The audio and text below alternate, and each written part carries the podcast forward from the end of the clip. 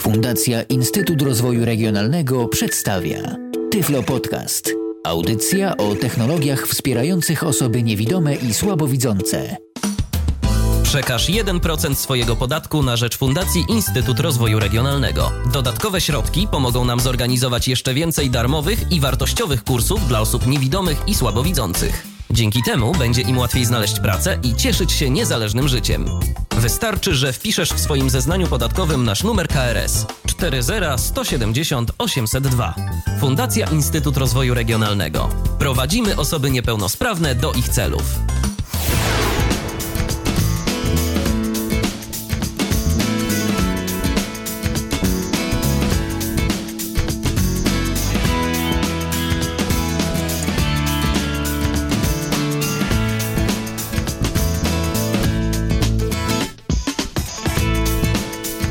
Tu Radio N, jesteśmy z wami na www.radio.nfm oraz www.radio.n.pl. Tam jak zawsze słuchać nas możecie 24 godziny na dobę przez 7 dni w tygodniu. Zaglądam jak zawsze do naszego kalendarza. No i dziś na kartce wyrwanej z niego mamy poniedziałek, 23 dzień kwietnia. Minęła godzina 19, to oznacza ni mniej ni więcej, że rozpoczynamy kolejną audycję o nazwie Tyflo Podcast w Radiu N. A ja przypomnę, że Tyflo Podcast jako Tyflo Podcast w ogóle jest to strona internetowa. Jest to zarazem pierwszy polski podcast dla osób niewidomych i słabowidzących. Zachęcam bardzo serdecznie do tego, abyście odwiedzali tę stronę internetową www.tyflopodcast.net. Piszemy www.tyflopodcast.net. Znaleźć tam można naprawdę dużo audycji poświęconych e, temu, co istotne dla osób niewidomych i słabowidzących, a tych audycji z tygodnia na tydzień przybywa. A dziś na antenie Radia N porozmawiamy sobie na temat yy, niewidomych przedsiębiorców, bo to taki temat w ogóle własna działalność gospodarcza to myślę, że temat yy, bardzo interesujący. Mm, myślę, że co niektórzy mm, ci, którzy nie za bardzo czują się yy, w pracy u kogoś, to rozważają ten temat. No ale w przypadku osób niewidomych to zawsze jeszcze jakieś tam obawy z pewnością większe są. No i dziś postaramy się opowiedzieć Wam o tym, e, czy w ogóle własna działalność gospodarcza w przypadku osoby niewidomej to jest dobre rozwiązanie, czy to jest złe rozwiązanie, jakie mogą być plusy, jakie mogą być minusy. No i także udało mi się pociągnąć za język kilku niewidomych przedsiębiorców, którym no, prowadzenie tej działalności gospodarczej jakoś wychodzi. I będziemy także dziś z nimi na ten temat rozmawiać. A witam moich dzisiejszych gości, witam Renatę Liwosz, doradcę biznesowo-zawodowego. Przed audycją się dosłownie na chwilę dowiedziałem, że to tak dokładnie powinno się określać. Dobrze określam? Tak, oczywiście. Witam serdecznie, witam także Łukasza Hoppe z Fundacji Instytut Rozwoju Regionalnego. Witaj Łukaszu. Witam serdecznie Ciebie i wszystkich słuchaczy. No i dziś spotkaliśmy się raz, żeby opowiedzieć o tym, jak to w ogóle wygląda, jeżeli chodzi o prowadzenie własnej działalności gospodarczej przez osoby niewidome, ale ty, Łukaszu, na tym polu masz pewne doświadczenia, że tak powiem, programowe, bowiem Fundacja Instytut Rozwoju Regionalnego uczestniczy w takim programie, który nazywa się Vision in Enterprise. I może na dobry początek chciałbym, żebyś opowiedział naszym słuchaczom, cóż to takiego jest, o co w ogóle chodzi, bo ta nazwa, szczerze powiedziawszy, to tak na pierwszy rzut ucha nie mówi mi nic zupełnie. A, mogłoby ci coś powiedzieć. Vision, czyli wzrok, in enterprise to w zależności od tego, jak to będzie tłumaczył, czy w przedsiębiorstwie, e, czy w jakiejś firmie. W każdym razie projekt Vision Enterprise to jest działanie partnerskie, które realizujemy tutaj w Polsce jako Fundacja Instytut Rozwoju Regionalnego ale jest to działanie partnerskie, które również jakby toczy się równolegle w e, takich krajach jak Wielka Brytania, Cypr, Irlandia i Francja. Łącznie partnerów jest sześciu i projekt e, jakby wywodzi się z Wielkiej Brytanii, a dokładnie z Londynu. I żeby opowiedzieć tak troszeczkę historycznie skąd się wzięło to działanie, to E, pewna instytucja, która nazywa się Action for Blind People, która funkcjonuje sobie w Londynie i zajmuje się właśnie tematami związanymi z e, osob, wspieraniem osób z niepełnosprawnością wzroku, wymyśliła działanie, które było stricte skierowane na wspieranie e, przedsiębiorców z niepełnosprawnością wzroku. To działanie było kierowane i do osób, które chcą zakładać firmy, i do osób, które już te firmy prowadzą i z jakiegoś powodu mają trudności. I działanie, które oni realizowali w latach 2007-2010 e, przyniosło im bardzo duże rezultaty, bardzo jakby wysokie wskaźniki żywotności firm, które zostały tam założone. Jeżeli ktoś się orientuje, to macie najprawdopodobniej sporą świadomość, że firma zakładana w Polsce nie przeżywa dużo więcej niż dwa lata, a przynajmniej 50% firm odpada już po pierwszym roku. W każdym razie po trzech latach realizacji tego projektu oni wy, wy, wyszli ze wskaźnikiem 92%, 92% żywotności, więc to było bardzo takie duże osiągnięcie. Idąc za ciosem powstało konsorcjum partnerów, który, którzy, których zadaniem jest jakby przeniesienie tych doświadczeń, które zostały wypracowane w Londynie na pole i na płaszczyznę innych krajów Unii Europejskiej.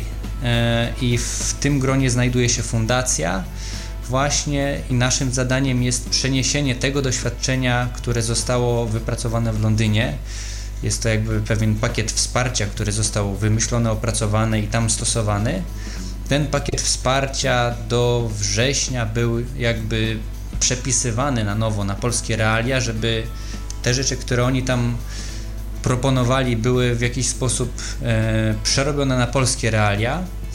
Od września do kwietnia, czyli do końca e, marca tak naprawdę, trwała, no i jeszcze kończy e, jakby swoje miejsce taka faza pilotażowa, w ramach której tak naprawdę, krótko rzecz ujmując, wspieramy osoby, które chcą założyć własną działalność. E, sam projekt jakby ma w sobie jeszcze dwa inne elementy, czyli pierwszy to jest zbadanie w ogóle w jakim, na jakim etapie jest Europa, jeżeli chodzi o wspieranie osób z niepełnosprawnością wzroku, które chcą zakładać własne firmy i tutaj jakby jednym z elementów tego projektu było takie dość e, intensywne badanie realiów krajów partnerskich i innych krajów w Unii Europejskiej, czy są niewidomi przedsiębiorcy, ilu ich jest, w jaki sposób w ogóle radzą sobie na rynku i tak dalej. E, ten raport jest dostępny w wersji angielskiej na stronie internetowej projektu. Myślę, że też będzie dostępny za jakiś czas w wersji polskiej, także zachęcam do lektury, ale też e, muszę od razu powiedzieć, że no niestety nie ma tam żadnych rewelacji. Jakby temat niepełnosprawności wzroku w Unii Europejskiej jest bardzo zróżnicowany. Sama definicja osoby niewidomej czy niedowidzącej jest tak różna w różnych krajach, że ciężko jest czasami to zestawić razem. A jakby kolejnym elementem, który też poza tą fazą testową, która w tej chwili ma miejsce, będzie brana pod uwagę podczas tego projektu, to jest jakby podzielenie się tymi doświadczeniami, które wypracujemy w Polsce i wysłanie ich dalej w Europę, tak? czyli zachęcenie Niemców, Czechów i pozostałych przedstawicieli innych krajów do tego, żeby też jakby pochwycili te nasze doświadczenia, które my w Polsce i nasi partnerzy w Dublinie, w Irlandii i na Cyprze będą mogli jakby podzielić się tym wszystkim z innymi e, w całej Europie. A czego chwili... dotyczą te doświadczenia? Bo tak wspomniałeś właśnie o jakimś mhm. wypracowaniu dobrych praktyk, wypracowaniu pewnych narzędzi, e, pewnych doświadczeń, ale o co, o co tak naprawdę chodzi? Czego to konkretnie dotyczy? Co będzie efektem?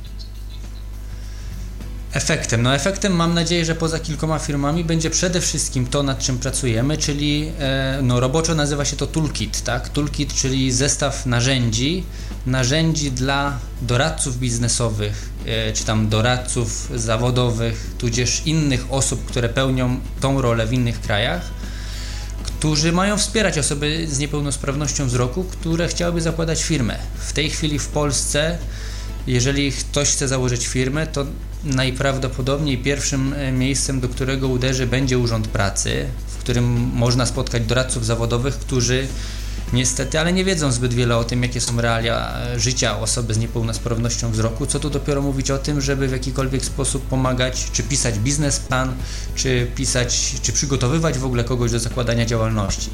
Także tak naprawdę takim e, murowanym efektem tego całego działania, który też chcemy rozprzestrzenić w całej Polsce, wśród doradców zawodowych, doradców biznesowych, komercyjnych, jakichś instytucji, które zajmują się wspieraniem e, przedsiębiorczości, czy też organizacjom pozarządowym chcemy jakby przekazać to, tą wiedzę, którą my wypracujemy w ramach tego projektu. A to będzie i podręcznik, i jakieś dokumenty, które można po prostu wziąć. Jeżeli ktoś ma jakieś pojęcie o tym, czym jest doradztwo zawodowe, to będzie mógł spojrzeć na wspieranie swojego klienta, który będzie miał na przykład wadę wzroku czy niepełnosprawność wzroku i to wsparcie będzie prawdziwe, adekwatne, poprawne, a nie będzie takiej sytuacji, że przyjdzie klient, który powie, że no przepraszam bardzo, ja nie widzę, bądź nie widzę wszystkiego, jak mogę założyć firmę, a taki doradca nie wiem, zaproponuję mu, żeby obejrzał prezentację w PowerPoincie, czy jakakolwiek inna abstrakcyjna sytuacja, która w tej chwili w Polsce e, rzadko kiedy się zdarza rzeczywiście, bo tak naprawdę e, osób niepełnosprawnych, e, bardzo mało osób niepełnosprawnych zakłada te firmy, ale rzeczywiście jak już trafia się do doradców biznesowych, no to te osoby nie wiedzą za bardzo jak tutaj, jak tutaj się poradzić.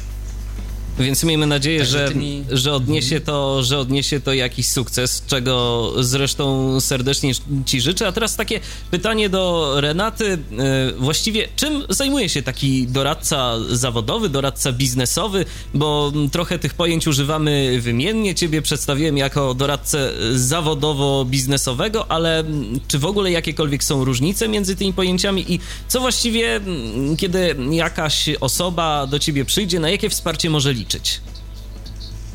E, to znaczy, ja może zacznę od początku. Będę starać się bardzo krótko mówić na ten temat, bo tutaj można Mamy byłoby czas. naprawdę długo opowiadać.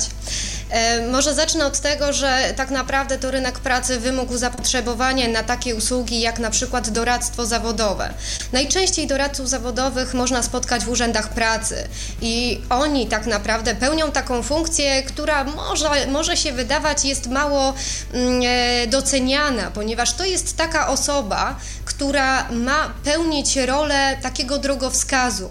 E, doradca zawodowy mm, powinien e, zajmować się e, karierą zawodową swojego klienta. Nie mówię o tym, że to on wyznacza tą ścieżkę, tylko sam klient za, y, za rozmową, y, różnego typu y, wykorzystywaniem testów potrafi doradzić klientowi, zarówno osobie w młodym wieku, jak i osobie, która już ma jakieś przejścia za sobą z pracą, aby na tą swoją ścieżkę kariery zawodowej weszła i się realizowała zawodowo.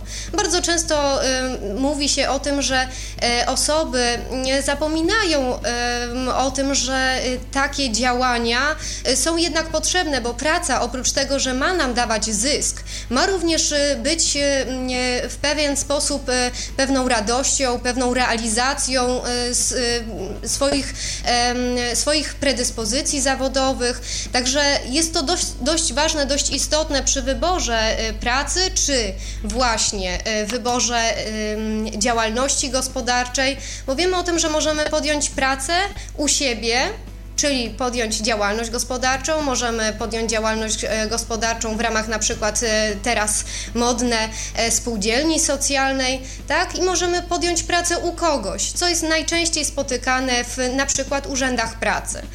Także jeżeli chodzi stricte o doradztwo biznesowe, to tutaj jest ścieżka tak naprawdę mm, prostsza, ponieważ tutaj przychodzi klient, który jest już na coś ukierunkowany, bądź potrzebuje kilku spotkań, aby dowiedzieć się, czy aby ma na przykład te predyspozycje przedsiębiorcze do tego, żeby sobie poradzić na tym rynku dzisiejszym e, z tą swoją działalnością. Wyborze tej działalności to też jest z gruntu rzeczy bardzo ważne, bo to, że chciałabym coś robić, niekoniecznie oznacza, że to przyniesie mi dochód, żeby utrzymam się na rynku. Zapotrzebowanie e, rynku jest zmienne, w związku z powyższym to przez cały czas trzeba śledzić.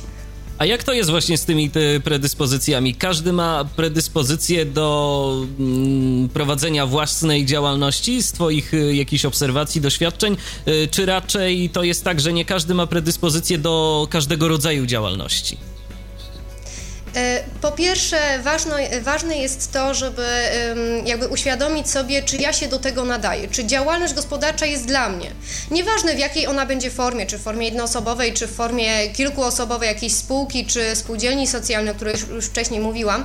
Ważne jest to, żeby w ogóle zobaczyć, czy ja się tutaj będę nadawać, czy to jest coś dla mnie. Dlatego bardzo często wykorzystuje się właśnie w doradztwie zawodowym różnego typu e, testy mm, e, i te można powiedzieć bezpieczne i te mniej bezpieczne. Bezpieczne to są takie, że nie wyrządzimy w żaden, w żaden sposób krzywdy e, i, i to są bardziej takie testy, które można stosować w formie zabawy, natomiast testy już takie bardziej skomplikowane są stosowane już przez osoby, które mają do tego uprawnienia i to są najczęściej psycholodzy z uprawnieniami. Także testów jest naprawdę bardzo dużo, ale czasami zwykła rozmowa z e, osobą zainteresowaną wystarczy, żeby dowiedzieć się, czy ta osoba jest w stanie myśleć perspektywy, perspektywicznie, czy ta osoba jest w stanie zaplanować pewne działania, czy ona da sobie radę z tym ogromem wiedzy, który ją czeka, żeby, żeby to zdobyć i żeby e, sobie poradzić na tym rynku. Też mi się tak, tak wydaje, bo przede wszystkim, bo przede wszystkim działalność gospodarcza to oprócz tego, że wykonywanie jakiejś e, konkretnej pracy, do której możemy mieć predyspozycję, to jeszcze dbanie o wszelkiego rodzaju kwestie księgowe, no i poza tym y, musimy także pozyskiwać klientów, co też y, dla kogoś może być problemem. Jak najbardziej, jest to bardzo ważne. Oprócz tego, że prowadzenie działalności to jest jedno, ale tak naprawdę założenie działalności to dopiero początek. I jeżeli e, myślimy o tym, żeby założyć kiedykolwiek działalność gospodarczą, to trzeba to najpierw bardzo e, skrupulatnie przemyśleć, obliczyć, sprawdzić rynek, czy to rzeczywiście będzie to, e, w czym po pierwsze będę się realizować, czyli to, co lubię robić, co chcę robić, i druga rzecz, czy, mój, czy ten rynek, na którym się obracam, czy on mi to y, przyjmie tak? Więc to jest bardzo, bardzo ważne. Warto jest jednak pamiętać o tym, że nie każda działalność gospodarcza e, będzie mała. Niektóre działalności się bardzo szybko rozrastają i potrzeba tutaj już osób, zatrudnić pracowników, aby też takie osoby e, nam pomogły w prowadzeniu tej działalności gospodarczej. I tutaj pojawiają się następne jakby rzeczy, które trzeba wziąć pod uwagę, e, między innymi proces selekcji, rekrutacji takich pracowników. E, trzeba pamiętać o tym, że to, pracownik to już jest e, dodatkowy koszt. On nam musi przynieść zysk, prawda? Bo jakby już my, myśląc e, perspektywicznie o tym, że ta działalność e, jest nakierowana generalnie na zysk, to, to jednak jest to też nasz koszt i musimy wziąć pod uwagę, czy zatrudnienie tego pracownika będzie na tyle adekwatne na to stanowisko i zaufanie nasze jako przedsiębiorców, tak, jako osoby prowadzące działalność, to jest y, bardzo duże wyzwanie w tym momencie. Osoby, z którymi nagrywałem y, wywiady do dzisiejszego Tyflo Podcastu i zresztą pierwszy z takich wywiadów y, pojawi się za moment, ale te osoby mają jedną wspólną cechę, mianowicie mm, wszystkie te osoby założyły takie, no, jednoosobowe, no, jedna z tych osób to założyła dwuosobową działalność gospodarczą, ale w dużym, w dużej mierze to są jakieś takie malutkie firmy. Czy y, któryś z was ma jakieś informacje, jak to w ogóle wygląda w przypadku osób niepełnosprawnych, czy, y, czy na przykład niewidomych, czy dużo y, słyszy się o takich działalnościach gospodarczych, które jednak są większymi firmami, czy nie bardzo? Znaczy na pewno tutaj warto rozgraniczyć e, raz, że mamy niepełnosprawności różnego stopnia, więc tutaj e, osoby z, z, z lekkim czy umiarkowanym stopniem, mówiąc jeszcze po staremu, e, no to takich osób zdaje się, że jest więcej, ponieważ te osoby są bardziej pewne siebie. Drugą rzeczą jest też to, że są różne e, no, przyczyny, tak, czy powody tej niepełnosprawności. Są osoby, które są niepełnosprawne z powodu jakichś tam e, sytuacji bardziej takich fizycznych, ruchowych. Są osoby, które są niepełnosprawne e, z powodu zaburzeń intelektualnych. Są osoby, które tak jak na przykład odbiorcy naszego działania są niepełnosprawne z tytułu wzroku, więc każda z tych niepełnosprawności tak naprawdę w jakiś sposób ogranicza i wpływa na to, co można robić. E, jeżeli jakby idąc tym tropem, wydaje się, że trudno tak generalizować, tak? Czy są osoby, które prowadzą e, duże działalności, czy małe działalności. E, wydaje mi się, że są ich i jednych, i drugich jest bardzo wiele. Tak? A teraz idąc bardziej za, za, za, za pytaniem, które zadałeś, wydaje mi się, że E, wszystko zależy od predyspozycji, od rozwoju jakby działalności, tak? Tutaj Renata bardzo fajnie powiedziała, że przede wszystkim e, trzeba pamiętać o tym, żeby ta działalność, którą prowadzimy była fajna, jakby coś, coś z nami, żeby to było związanego, ale z drugiej strony też najważniejszym w tym wszystkim jest to, że no, bądźmy sobie jakby otwarcie szczerzy. W biznesie chodzi o to, żeby był biznes, czyli chodzi o to, żeby zarabiać pieniądze. I jeżeli mamy miękkie serce, czy myślimy bardziej o pracy wolontarystycznej, żeby ewentualnie zrobić coś dobrego i tak dalej, to może się okazać, że ta działalność jako tako stricte rozwijać się tak szybko nie będzie, jakby mogła, jeżeli byśmy mieli te rzeczywiście konkretne, fachowe, takie dość, nie chcę powiedzieć, że brutalne, ale takie techniczne, konkretne podejście, no bo biznes to jest biznes. Ja spotkałem się z osobami, które prowadzą jednoosobowe działalności, spotkałem się z osobami, które prowadzą jakby firmy zatrudniające paręnaście osób. E, mam teraz też bardzo takie duże mm, możliwości obcowania z różnymi e, przedsiębiorcami, między innymi e, bardzo fajne osoby z spółdzielni socjalnej Opoka, tak? gdzie też spółdzielnia socjalna jest taką formą, która pozwala na zakładanie tej działalności przez osoby w jakiś sposób z obszaru, z obszaru wykluczenia. No i tutaj w tej spółdzielni socjalnej jest mnóstwo osób niepełnosprawnych, a tam zatrudnionych jest 60 osób. Także jakby o rozmiar działalności tutaj wydaje mi się bardziej jest e, zależny od, od człowieka. Tak jak mamy małe sklepiki i duże sklepiki i wielkie korporacje, funkcjonujące na rynku, tak myślę, że tutaj niepełnosprawność nie jest w żaden sposób czynnikiem, które by to warunkowała. Zatem teraz proponuję, byśmy posłuchali pierwszego materiału. Zanim jednak do niego przejdę, przypomnę, że można do nas dzwonić. 223988027, wewnętrzny 938 to jest nasz numer telefonu stacjonarnego. Jesteśmy do Waszej dyspozycji, a właściwie za moment będziemy, bo za momencik go uaktywnię na naszym radiowym Skype'ie o loginie tyflopodcast.net. Piszemy tyflopodcast.net. Jeżeli ktoś z Was nosi się z zamiarem założenia swojej własnej firmy, chciałby o coś zapytać, chciałby się czegoś dowiedzieć, nie jest czegoś e, pewnym, no to można zadzwonić, a mam nadzieję, że moi dzisiejsi goście spróbują na pytania odpowiedzieć. A teraz zapraszam do wysłuchania pierwszej rozmowy z niewidomym przedsiębiorcą. Będzie to Adam Ostrowski, właściciel, właściciel firmy Rehabit. A gościem Tyflo Podcastu jest e, tym razem Adam Ostrowski, właściciel firmy Rehabit. Witaj Adamie. Witam, kłaniam się.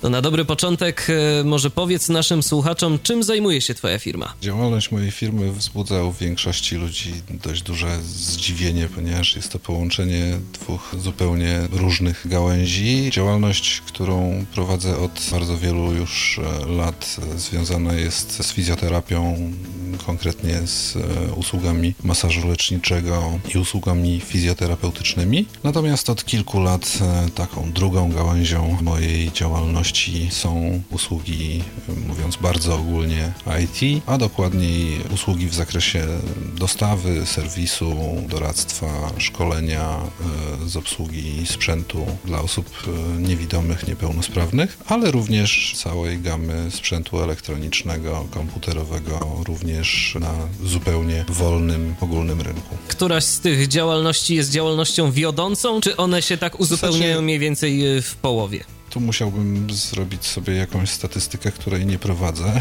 Natomiast raczej powiedziałbym, że wiodącą jest ta moja najstarsza działalność, czyli e, usługi w zakresie fizjoterapii, masażu. A co cię skłoniło w ogóle do rozpoczęcia własnej działalności? Czemu własna firma, a nie praca u kogoś? No ja akurat też jestem osobą, która pracuje zarówno na etacie, a działalność gospodarcza jest dodatkowym źródłem dochodu i dodatkowym e, zajęciem. Co mnie skłoniło? Dziś potrzeby są duże, natomiast najczęściej praca etatowa w naszym kraju nie pozwala jeszcze na swobodne życie i utrzymanie domu, rodziny. W związku z tym trzeba robić coś więcej e, i stąd zarejestrowanie działalności gospodarczej w 90 bodaj 5 roku. A ponieważ po drodze nabrałem ochoty na, na realizowanie się jeszcze w innej dziedzinie, na tak zwaną dywersyfikację swojej działalności, dodanie jeszcze działalności, która związana jest z moimi zainteresowaniami elektroniką, komputerami i postanowiłem rozszerzyć działalność również o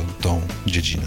Wspomniałeś, że zakładałeś e, swoją własną firmę w 1995 roku. Trudny był to proces, bo jeszcze wtedy, jak domyślam się, nie było tego słynnego od pewnego czasu jednego okienka? Powiem szczerze, nie przypominam sobie, abym miał jakiekolwiek problemy z założeniem firmy, aczkolwiek na pewno trwało to znacznie dłużej i wymagało wizyty w kilku różnych e, urzędach, nie wszystkie zlokalizowane w moim mieście, więc nawet e, konieczność wyjazdu do miasta wojewódzkiego w celu zarejestrowania się w GUS i tak dalej, i tak dalej. Natomiast nie przypominam sobie, żeby było to aż tak skomplikowane i nastręczało jakichś większych trudności. Natomiast już ten proces w 2008 roku związany z rozszerzeniem działalności na pewno był znacznie wygodniejszy, szybszy, nie wymagał wypełnienia tylu formularzy i odwiedzania aż tylu miejsc.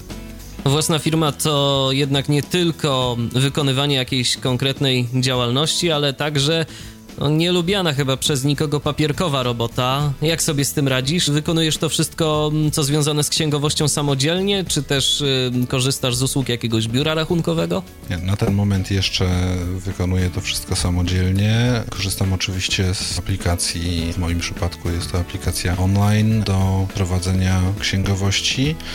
A jaka to aplikacja? E, i firma www.ifirma.pl. Na początku związane było to oczywiście z tym, że, że nie chciałem generować dodatkowych wysokich kosztów e, związanych właśnie z obsługą przez e, jakieś e, biuro. Poza tym chciałem mieć nad tym jakąś kontrolę i sprawdzić, czy to w ogóle jest możliwe. Natomiast później miałem już kilka takich momentów, kiedy myślałem o tym, żeby księgowość przenieść jednak do biura, ponieważ e, jednak czasami trzeba poświęcić na to trochę więcej czasu i tych dokumentów jest e, do zaksięgowania jest więcej. Póki co jeszcze radzę z tym sobie sam i myślę, że jeszcze przez dłuższy czas nie będę przenosił tego do biura rachunkowego, tylko będę to robił nadal sam. Ułatwieniem dla nas w tej chwili jest powoli to, że e, obieg dokumentów jest coraz bardziej elektroniczny, coraz więcej firm decyduje się na wystawianie dokumentów elektronicznych, nie tylko papierowych, co no, dla nas jest absolutnie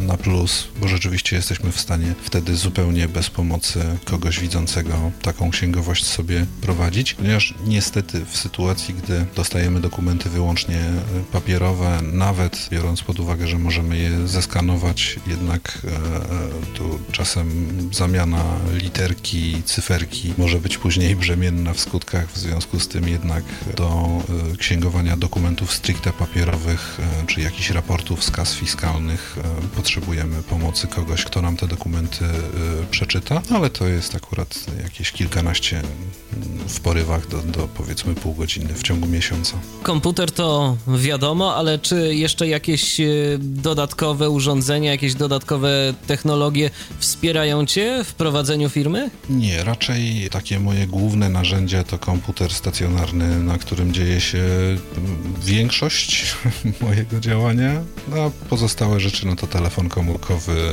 netbook, jakieś urządzenie do nagrywania dźwięku, jakiś dyktafon do takich podręcznych notatek. Raczej żadnych więcej specjalnych urządzeń nie wykorzystuję. A uważasz, że to, że nie widzisz jakoś e, utrudnia ci prowadzenie własnej firmy? E, w jakiś sposób cię ogranicza, czy nie jest to problemem? Ja staram się spoglądać na świat e, raczej pod tym kątem, że niewidzenie nie stanowi poważnej przeszkody i w znakomitej większości przypadków e, da się znaleźć jakiś sposób, żeby sobie z tym poradzić i obejść e, ewentualną barierę. Natomiast z całą pewnością pewne rzeczy może zajmują więcej czasu.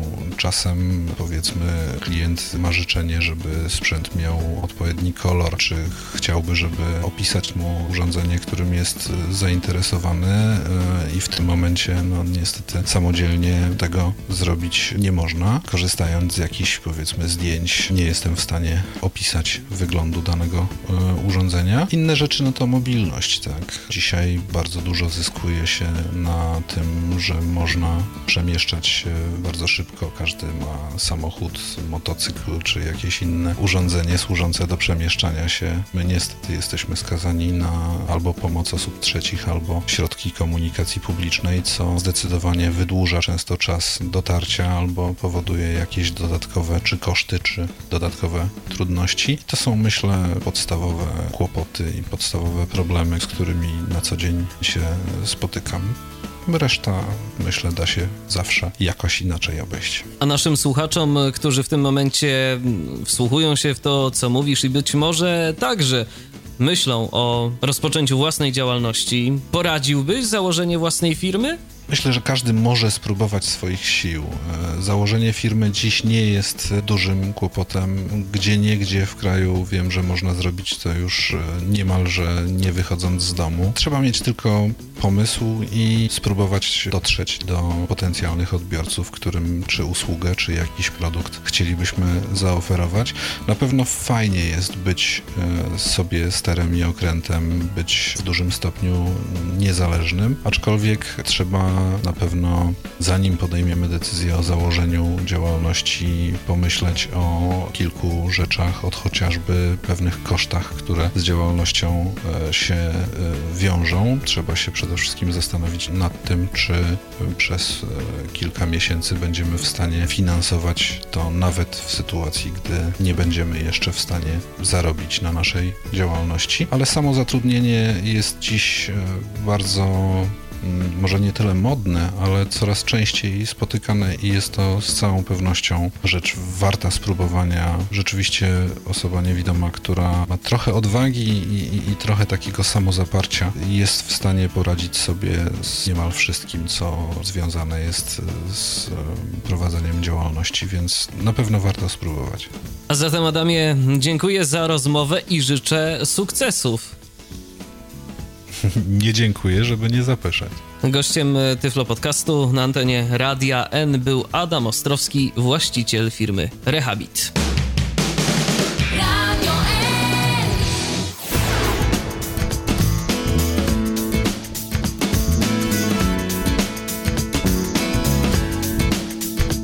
A to jest cały czas audycja Tyflo Podcastu na antenie Radia N. Przypomnę, że Renata Liwosz i Łukasz Hoppe to moi dzisiejsi goście. Dziś rozmawiamy na temat niewidomych przedsiębiorców.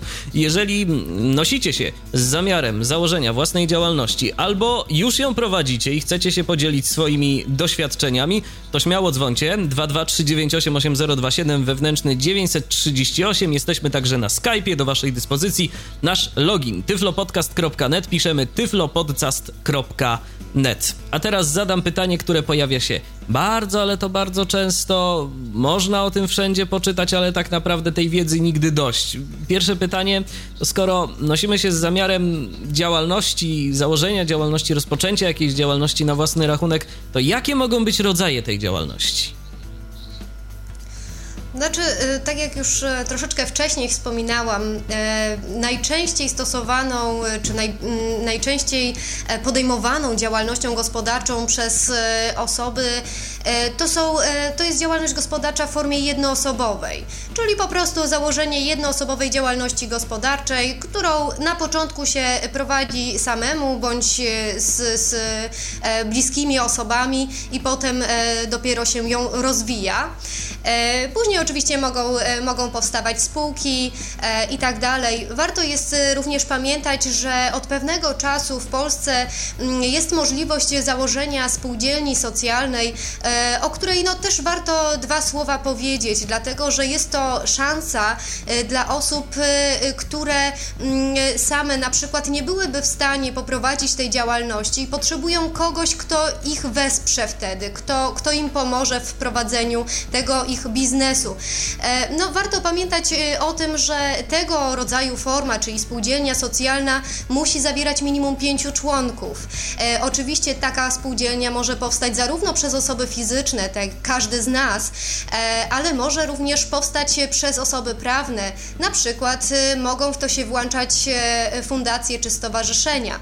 Także warto pamiętać o tym, że tutaj przy formie spółdzielni socjalnej mamy więcej osób, które mogą podejmować decyzje i które mogą wspierać tą naszą działalność gospodarczą. No przy formie oczywiście jednoosobowej, no to wiadomo, że e, sam jestem sterem, żeglarzem i okrętem, więc ja decyduję.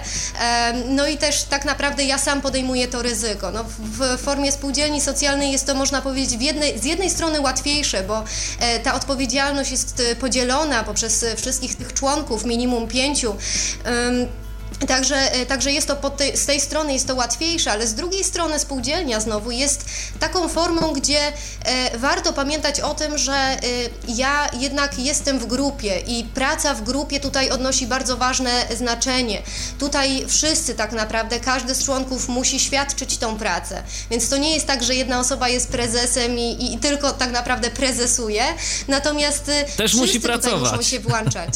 O, no oczywiście, ale to wszyscy muszą pracować i to jest tak naprawdę idea y, spółdzielczości socjalnej, która teraz można powiedzieć rozwija się w naszym kraju i dobrze, bo to jest y, między innymi taki sposób właśnie dla osób y, z na przykład niepełnosprawnością, dla osób długotrwale bezrobotnych, tak? czyli takich osób, które długo nie mogą się odnaleźć na tym rynku, nie mogą znaleźć pracy, bądź też po prostu mają taki zawód, który w tym momencie już nie jest, y, nie ma takiego zapotrzebowania na rynku.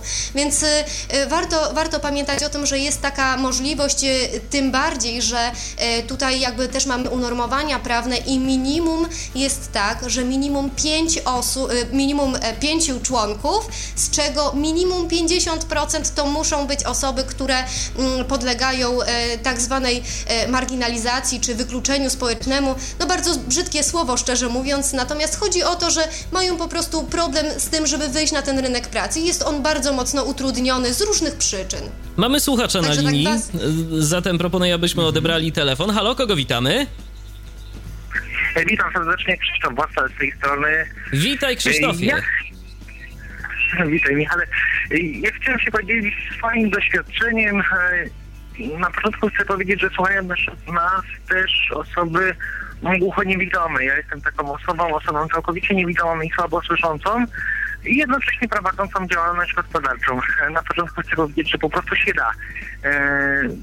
Brak wzroku, problemy ze słuchem, są przeszkodą, ale nie, są przeszko- nie jest to przeszkoda dominująca. Można sobie, tak jak Adam wcześniej wspomniał, e, można sobie w zupełności poradzić. Ja w tej chwili w swojej działalności gospodarczej zatrudniam 8 osób e, na etat plus osoby e, na umowy cywilnoprawne, podkreślam, cywilnoprawne i, i, i można sobie poradzić. Trzeba do tego użyć oczywiście mm, różnego rodzaju narzędzi. W przypadku nas, osób niewidomych, Mamy z tym pewien problem, dlatego że nie każde aplikacje są dla nas dostępne.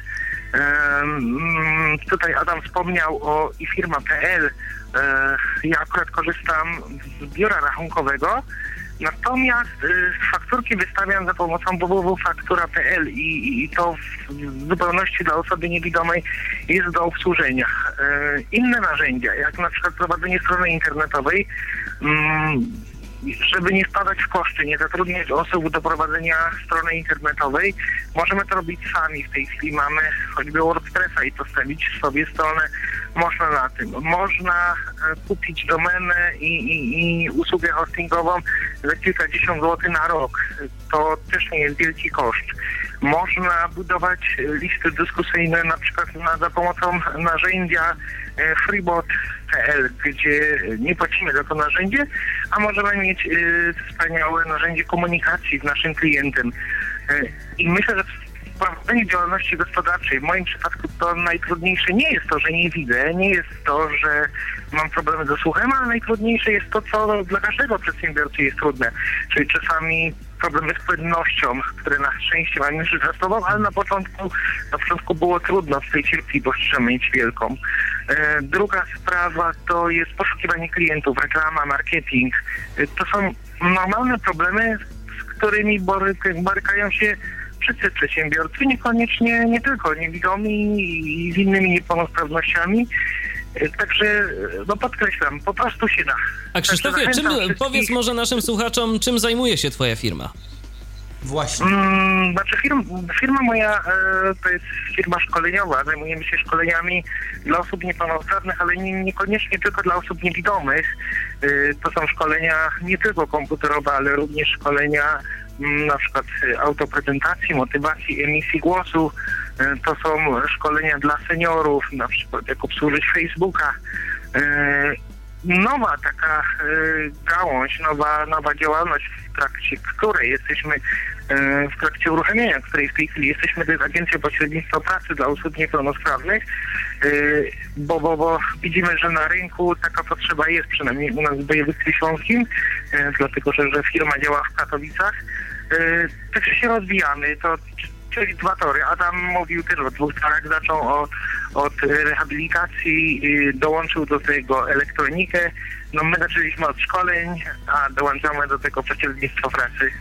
No to Krzysztofie, życzę sukcesów w takim razie i powodzenia jeszcze, w własnej firmie. No jeszcze, jeszcze Łukasz ma pytanie. pytanie, słuchamy. Tak, tak, bo często pada takie pytanie, ile godzin tak naprawdę pracuje przedsiębiorca? Czy 24 godziny na dobę? Ty, e, jak, jak mówisz, tam masz działalność, zatrudniasz 8 pracowników. Czy masz Oj, obawiam się, że Krzysztof się z nami rozłączył, niestety. Krzysztof się. Krzysztof się z nami no rozłączył, ale może jeszcze zadzwoni, więc, więc może jeszcze będziemy mogli odebrać od niego telefon. Jeżeli ktoś jeszcze chce do nas zadzwonić, to proszę bardzo, śmiało. 223988027, wewnętrzny 938, nasz Skype o loginie tyflopodcast.net jest także do waszej dyspozycji. Więc może na razie wróćmy do tematu y, tych rodzajów działalności. Wspomnieliśmy już o tym, cóż to takiego są spółdzielnie socjalne. No można jeszcze założyć e, sobie jednoosobową działalność gospodarczą, no i jeszcze mamy te spółki, tak? E, różnego rodzaju. Spółek jest dużo, spółki są i komandytowe, i z ograniczoną odpowiedzialnością, i, i spółki, prawda, e, cywilno, cywilne, cywilnoprawne i, i różne inne. Tutaj nie ma sensu jakby wdrażać się w szczegóły czym się każda zajmuje, jakby tutaj odróżniając jedne od drugich, podstawową rzeczą jest to, że osoba, która prowadzi działalność e, jako samozatrudnienie, tak, czyli jednoosobowa działalność gospodarcza, taka osoba nie posiada osobowości prawnej. Tak? To jest takie dość magiczne e, słowo. Osobowość prawna i osoba, osoba prawna i osoba fizyczna w Polsce. Funkcjonują takie dwa zagadnienia. Osoba fizyczna to jest każdy z nas, Jan Kowalski, Łukasz Hoppe, tudzież ktokolwiek inny. A osoba prawna to jest tak naprawdę nazwanie grupy osób, które, czy tam jednej osoby, czy grupy osób, które świadczą jakieś usługi i posiadają tą osobowość prawną. Także każdego rodzaju spółka posiada tą osobowość prawną, co i w jakiś sposób ogranicza, i w jakiś sposób zobowiązuje, i też w jakiś sposób e, rozszerza horyzonty i możliwości e, jakby prowadzenia takiej działalności. E, z osób, które na samym początku myślałyby o tym, żeby zakładać jakąkolwiek inną formę niż samozatrudnienie, czy też spółdzielnia socjalna, takie jakby prostsze te mechanizmy, no to na, najważniejsze jest to, że przede wszystkim każda osoba prawna, czyli właśnie fundacja, stowarzyszenie, spółka, spółdzielnia socjalna w ostateczności też również prowadzi pełną księgowość, czyli tutaj e, tak jak na przykład Adam mówił, że sam prowadzi sobie rachunki, Tutaj wydaje mi się, że mógłby nie, nie, nie podołać z już taką bardziej złożoną księgowością i tutaj na pewno e, trzeba byłoby za, zapraszać jakieś biuro do współpracy. Zdaje się, że Krzysztof jeszcze raz z nami się połączył. Halo? O. E, witam ponownie Krzysztof, z tej strony. Słyszałem, że Łukasz tam miał do mnie jakieś pytanie, niestety mi palec zjechał z słuchawki i, i dlatego się rozłączyłem. No to słuchamy Łukaszu, masz szansę zadać Chciałem jeszcze raz. Się Chciałem się zapytać Ciebie, e, jak jest, jeżeli chodzi o czas, który poświęcasz na prowadzenie swojej działalności, ponieważ dużo osób, które zakłada taką firmę, z jednej strony myśli, że jest to krótsze, tak? Czyli może na przykład zamiast chodzić do pracy przez 5 dni w tygodniu i pracować 8 godzin dziennie, uda mi się na przykład pracować 2 dni w tygodniu po 3 godziny to jest jedna opcja, a druga opcja z kolei jest taka, że no 24 godziny na dobę, 7 dni w tygodniu i nie ma, nie ma zmiły, prawda, cały czas gdzieś ta działalność w głowie jest. Proszę, jakbyś mógł powiedzieć, jak ty zaczynałeś i jak to u ciebie wygląda teraz? Czy rzeczywiście to jest 24 godziny przez 7 dni w tygodniu, czy może jakoś te zaangażowanie twoje w prowadzenie tej działalności jest inne? Wiesz, to jest tak, że jest różnie, w zależności od potrzeb. Czasami trzeba pracować kilka, kilkanaście godzin dziennie, bo mm, no jestem szefem, który również pracuje, czyli nie tylko wydaje polecenia pracownikom i siedzi z założonymi rękami, to, to jest taki trochę mit, że właściciel działalności gospodarczej, szef to jest taki, który tylko pokazuje palcem to zrób, to zrób, to zrób, a on sobie siedzi, więc czasami ja pracuję, prowadząc szkolenia, yy, oprócz tego no, prowadzę tą część y, marketingową, czyli reklamową. Spotykam się z potencjalnymi kontrahentami, mm, bo najczęściej moimi klientami są w tej chwili różnego rodzaju instytucje, urzędy, mm, powiatowe urzędy, urzędy pracy czy urzędy miejskie, e, więc praca jest czasami kilkanaście godzin, ale bywa tak, że może po prostu nie pracuje cały dzień, dla firmy przynajmniej. Z drugiej strony mm, od zawsze, odkąd tam jakoś moja świadomość społeczna e, się mm, wytworzyła, to, to co robię, to jest dla mnie taka jakaś taka misja. Misja pokazywania nas, osoby z niepełnosprawnością, że my możemy, że się da. Więc y, Trudno mi czasami oddzielić, kiedy ja pracuję na rzecz firmy, kiedy pracuję na rzecz swojej misji, to się wszystko tam e, jakoś, jakoś wiąże. Prowadzę też działalność społeczną e, i to się troszeczkę tak przeplata. Także bywa to różnie.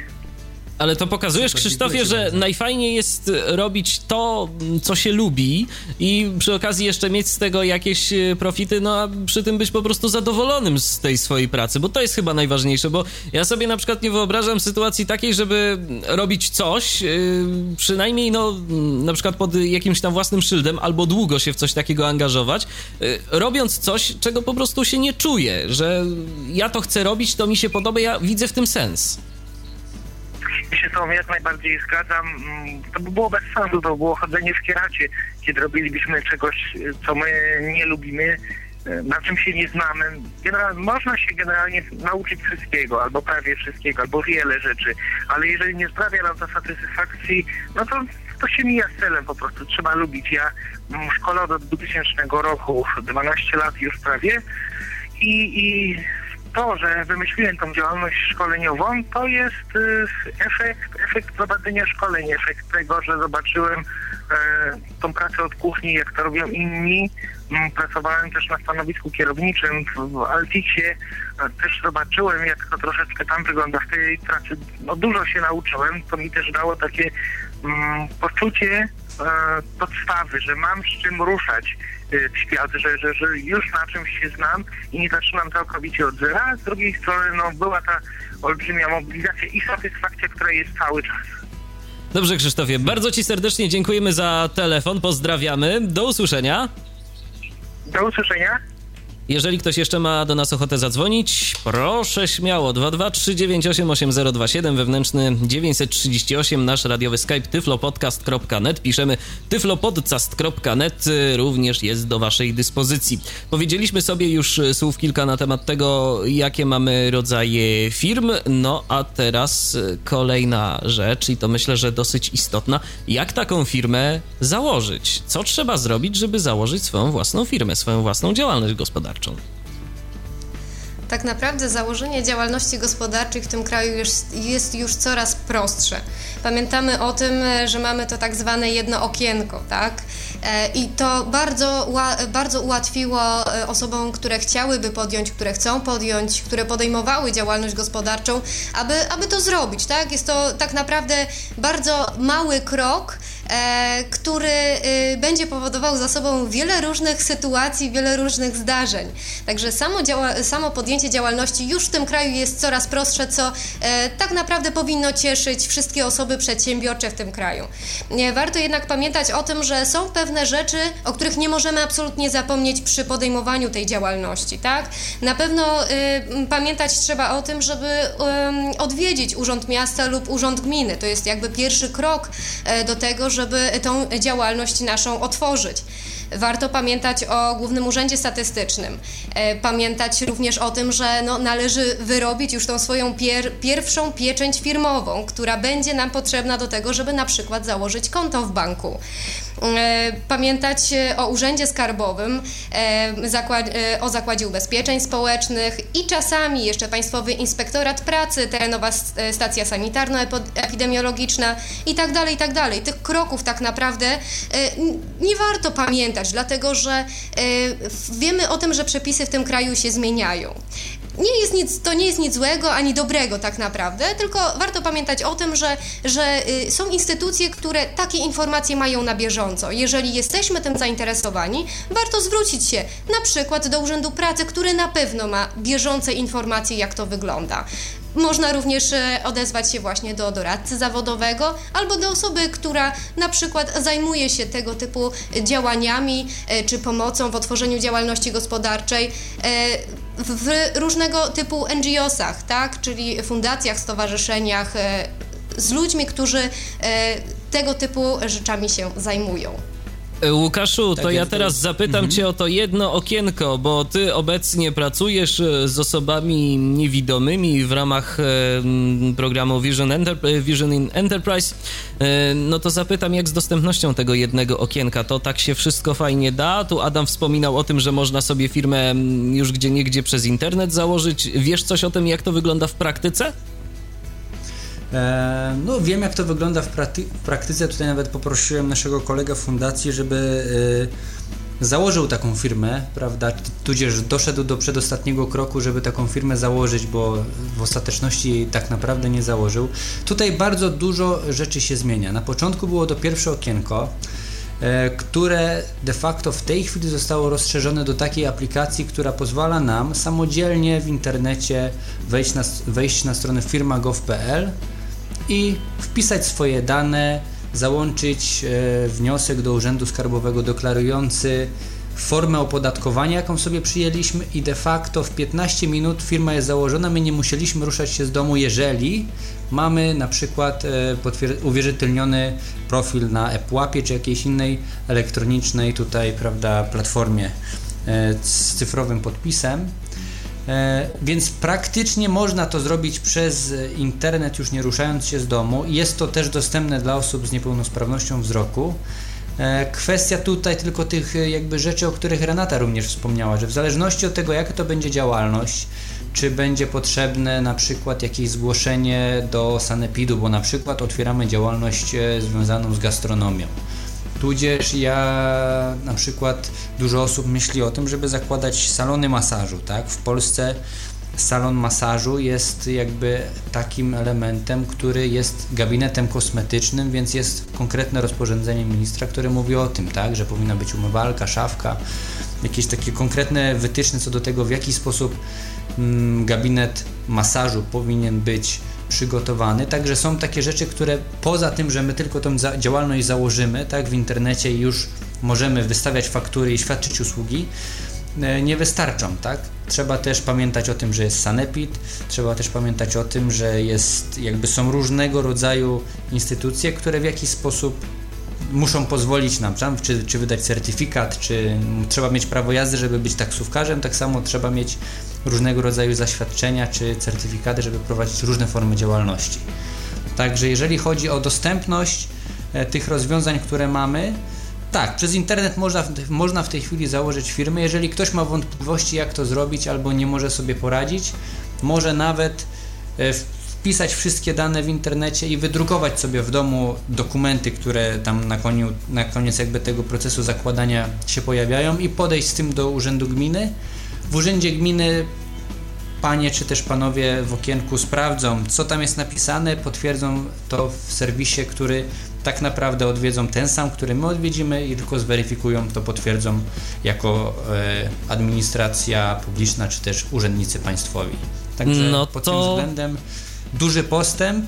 Od marca tego roku tak naprawdę funkcjonuje ta strona internetowa gdzie wszystkie dane, które tam są, są też danymi publicznymi, tak? Czyli jeżeli na przykład chcielibyśmy zobaczyć, jaką działalność prowadzi Michał Dziwisz, to wystarczy, że wpiszemy Michał Dziwisz i już powinna się pojawić informacja, jaka to jest działalność, kiedy została zarejestrowana, kiedy została zawieszana, jeżeli została zawieszana, jakie są numery PKD i tak dalej, więc to są e, informacje publiczne, to też jest ważne. No a propos PKD, to ja właśnie mm, tak mi się przypomniało, bo ja też jestem z tych, którzy mają własną działalność gospodarczą, to muszę przyznać, że, że się rzeczywiście dużo zmieniło i to na plus, bo w 2008 roku pamiętam, że było z tym w ogóle ciekawie, bo trzeba było się kilka razy przejść y, w odpowiednie miejsce, żeby wypełnić y, formularze PKD, bo okazało się, że pierwsze podejście do wypełniania PKD okazało się błędne, bo po prostu wypełniłem nie ten, nie wpisałem tych PKD, które powinienem, wpisałem jakieś starsze, bo po prostu takie znalazłem w internecie. Także... Tak, tak, tak było. W, w 2007 chyba się zmieniły tak. te numery PKD i przez jakiś czas funkcjonowały oba że się wpisało i stary i nowy, ale wszystko... A później już niestety nie. te nowe, tak, tak właśnie. Teraz proponuję, abyśmy posłuchali kolejnego y, materiału, jaki przygotowałem do dzisiejszej audycji. Kolejna osoba, która prowadzi własną działalność gospodarczą. Tym razem jest to Magdalena Szyszka. Magda prowadzi własną kancelarię adwokacką. Zatem posłuchajmy. A moim dzisiejszym gościem jest Magdalena Szyszka, która również postanowiła rozpocząć własną działalność gospodarczą. Witaj Magdo. No, witam serdecznie. To powiedz na dobry początek naszym słuchaczom, czym się zajmujesz? Aktualnie jestem adwokatem, prowadzę swoją własną y, kancelarię adwokacką y, w moim mieście.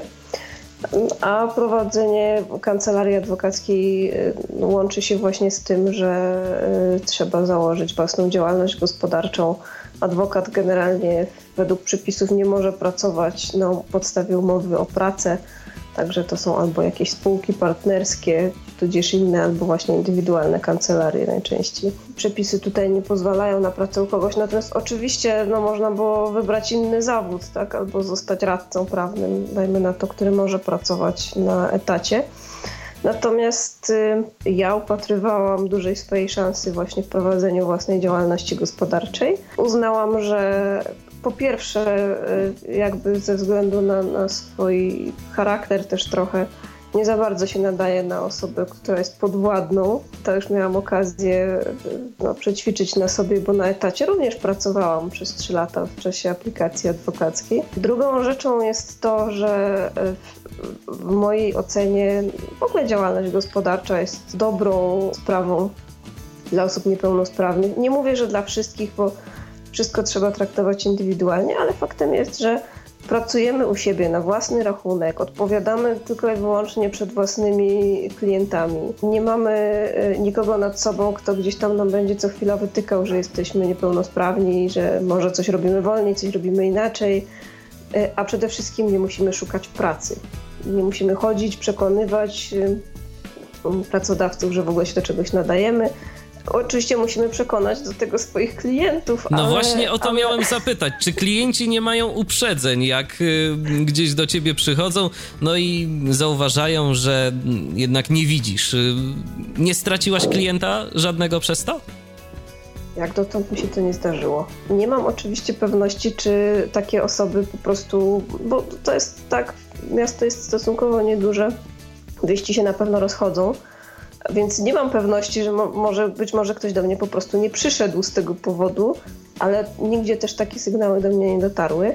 Natomiast wiem, że nie wszyscy klienci, którzy przychodzą, wchodząc, mają świadomość tego, że ja nie widzę i nie spotkałam się nigdy, jak do tej pory, a prowadzę tą kancelarię no już prawie półtora roku, e, z jakąś taką reakcją negatywną. Jest zaskoczenie, bywa, natomiast e, Myślę, że to jest też to, że jak, jak klient widzi, że ja podchodzę do sprawy profesjonalnie, jeżeli ja mu mówię, jak powinien postąpić w danej sprawie, co trzeba zrobić, jak ją poprowadzić i tak dalej, no to gdzieś już zdążę klienta do siebie przekonać, tak mniej więcej równolegle z tym, jak on przeżywa ten szok, więc to się jakoś wszystko równoważy chyba.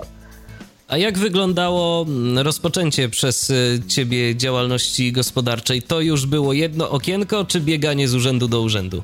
Wtedy było już jedno okienko, z tym, że ja akurat potrzebowałam tą działalność założyć bardzo szybko ze względu na y, dotację, którą mi się udało wywalczyć unijną na prowadzenie działalności. Tam była taka kwestia, że właściwie w ciągu kilku dni musiałam mieć już wszystkie dokumenty potwierdzające założenie działalności, na przykład REGON do tej umowy o dotację, już trzeba było to wpisać. No i tu się pojawił problem, ponieważ jedno okienko jest fajne, tylko że niestety to trochę trwa, bo oni przesyłają te dokumenty do ZUS-u, do Urzędu Skarbowego, do Urzędu Statystycznego. Muszą otrzymać potwierdzenia, to wszystko musi wrócić.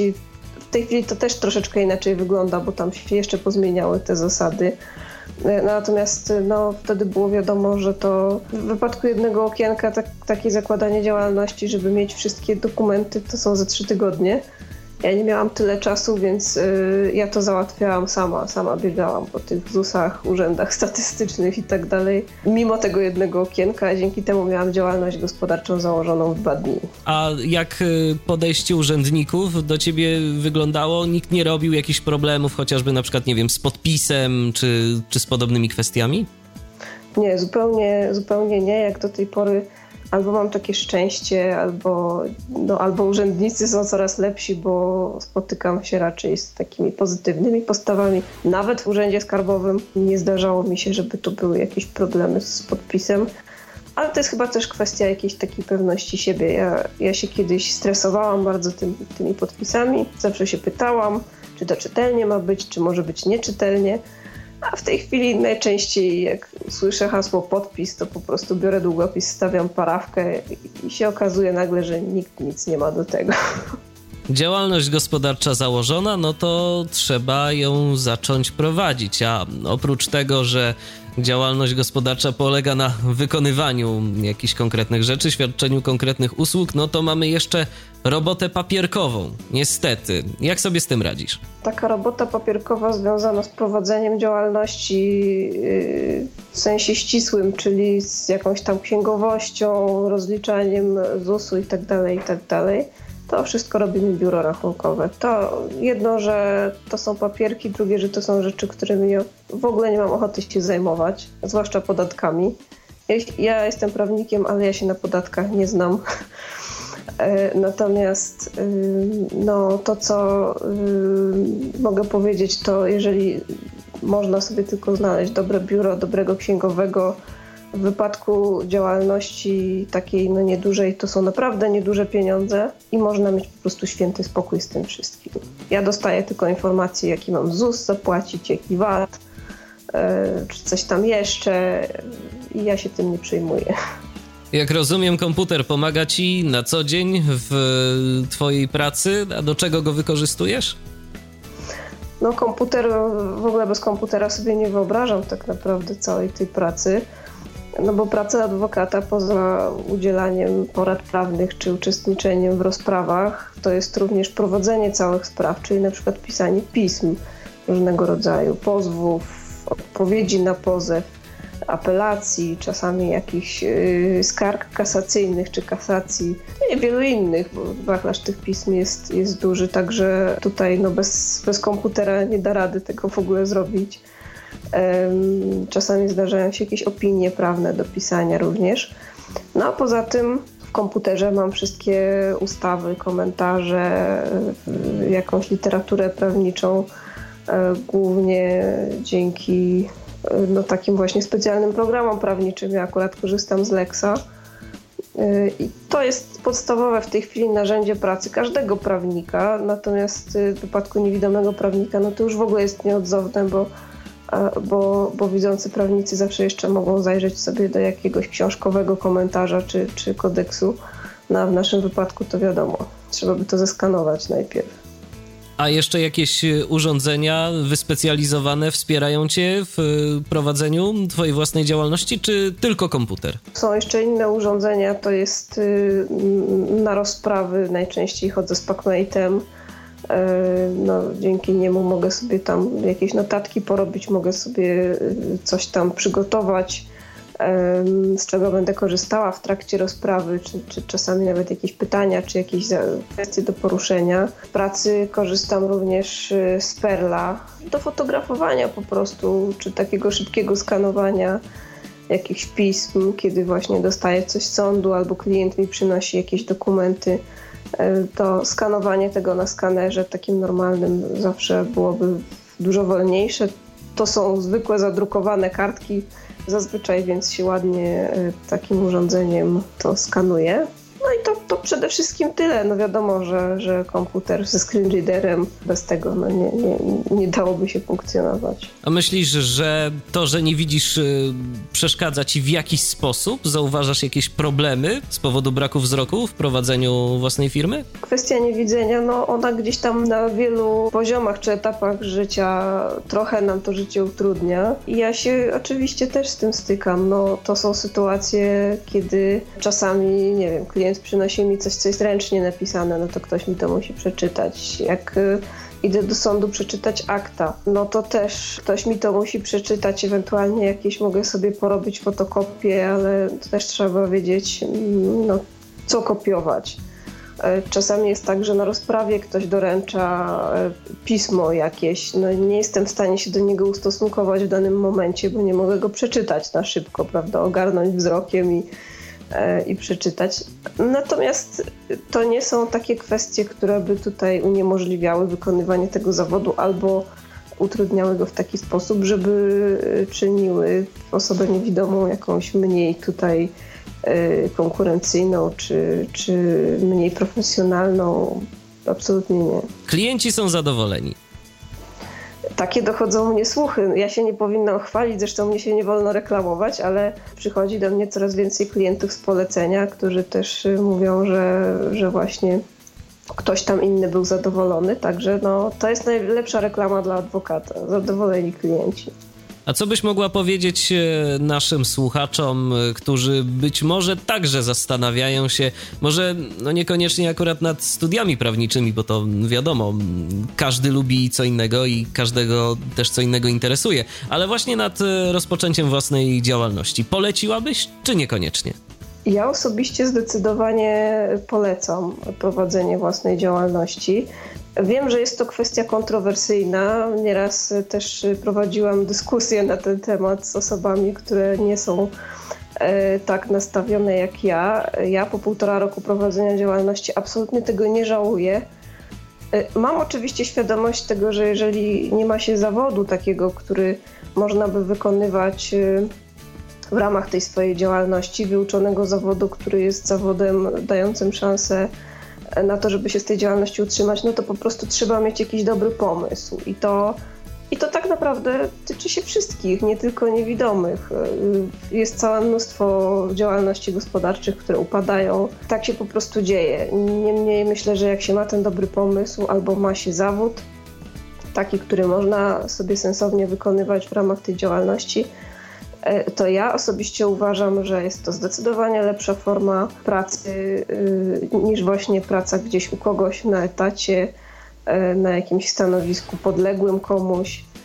Bo tutaj sami o sobie decydujemy, sami ponosimy konsekwencje tego, co robimy. I jakaś motywacja chyba jest większa, tak myślę jednak, w ramach własnej działalności gospodarczej. Może dlatego, że nie ma tutaj Y, żadnych takich kwestii w rodzaju skróconego czasu pracy czy innych jakichś przywilejów. No, pracuje się tyle, ile trzeba pracować.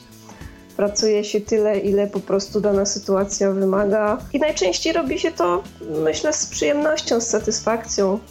W końcu pracujemy dla siebie, nie dla kogoś. Pracujemy dla siebie, dokładnie nie mamy poczucia, że ktoś nas wyzyskuje na przykład, albo że ktoś e, traktuje nas w jakiś sposób y, gorszy czy, czy właśnie, tak jak mówiłam, nie wytyka nam w żaden sposób tej niepełnosprawności. A klienci no, przyjdą albo nie przyjdą. Ja uważam zawsze, że trzeba się nastawiać pozytywnie, ale też robić wszystko w tym kierunku, żeby oni przyszli i absolutnie nie zakładać na wstępie, że się nie uda, bo, bo w takim układzie to, to lepiej nie zaczynać. Wspomniałaś o czasie pracy. Jakbyś tak sobie podliczyła, to więcej czasu poświęcasz na własną firmę niż y, robiłabyś y, jakieś rzeczy u kogoś, te 7-8 godzin? Na pewno. To znaczy, to jest tak, że ja oczywiście mogę sobie wcześniej wyjść z tej pracy, mogę sobie później do niej przyjść, jeżeli mam taką ochotę albo potrzebę, a nie mam powiedzmy rozpraw w sądzie wyznaczonych. Natomiast no, to jest taka praca, że często się pracuje wieczorami, jeszcze gdzieś tam w domu, czasami po nocach, czasami w weekendy jak trzeba, ale to jest już kwestia no, mojej decyzji, czy ja będę siedziała w kancelarii i to robiła, czy będę sobie gdzieś tam w domu przy herbatce nie wiem, przy muzyce dobrej i tak dalej. I to jest też ten plus. Tak samo, no, kiedy mamy jakieś sytuacje takie nieprzewidziane, prowadząc własną działalność, o wiele łatwiej jest y, nam właśnie wygospodarować czas, żeby gdzieś tam czymś się zająć innym. Ja miałam niedawno sytuację taką, że mi pies zachorował. No to po prostu no, nie poszłam do kancelarii, spędziłam dzień praktycznie z psem u weterynarza, kiedy y, w wypadku pracy na etacie bardzo często nie byłoby to po prostu możliwe. Bo szef mógłby nie zrozumieć. Mógłby nie zrozumieć, no jeżeli nie lubi psów albo woli koty. Dobrze, Magda, zatem dziękuję Ci bardzo za rozmowę i życzę sukcesów. Dziękuję bardzo i ja życzę również sukcesów wszystkim, którzy e, albo już się zdecydowali, albo się jeszcze być może zdecydują na prowadzenie takiej działalności. A ja tylko dodam, że gościem Tyflo Podcastu była Magdalena Szyszka, prowadząca własną kancelarię adwokacką. Radio N.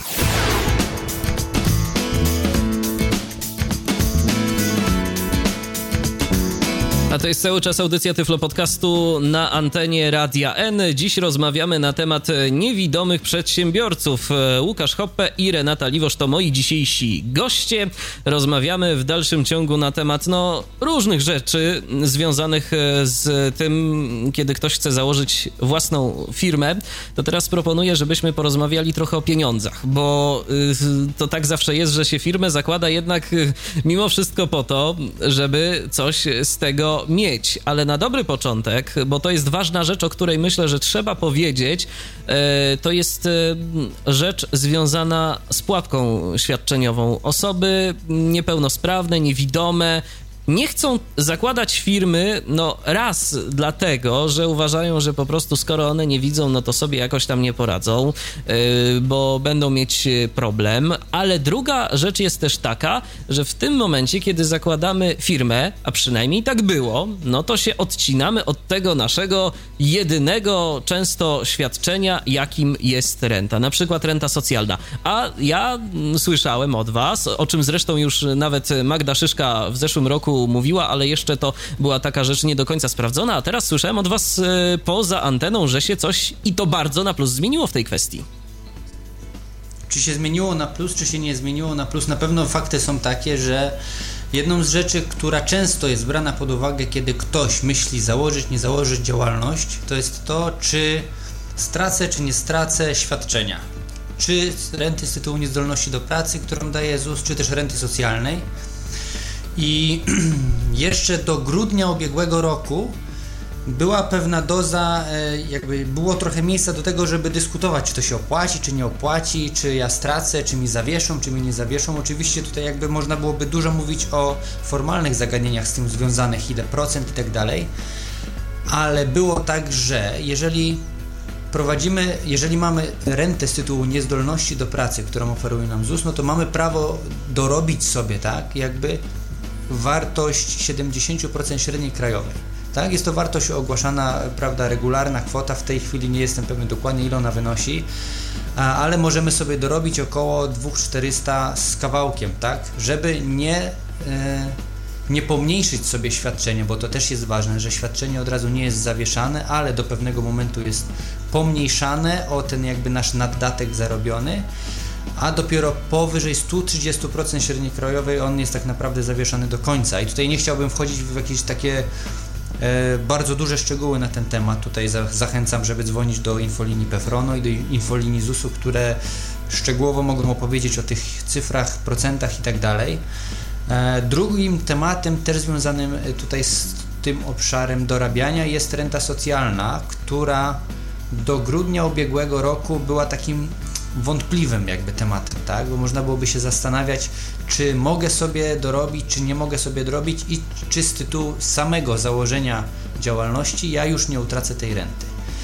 E, więc ważne jest, po, aby powiedzieć o tym, że tak naprawdę to, czy tracimy rentę, czy nie tracimy renty, czy ona jest zawieszana, warunkowane jest tym, jakie mamy dochody, tak? Te dochody są obliczane tak by ZUS bierze pod uwagę to, ile my zarabiamy albo z tytułu umowy o pracę, umowy zlecenia i tak dalej. A jeżeli chodzi o zakładanie własnej działalności, to my zakładając tą działalność na samym początku deklarujemy, ile będziemy zarabiać, tak? I to jest ten ZUS, który trzeba płacić, jak się zakłada własną działalność, no to trzeba zapłacić ZUS. Jedni straż mówią, że to 1000 zł, drudzy mówią, że to 500 zł różne rzeczy mówią.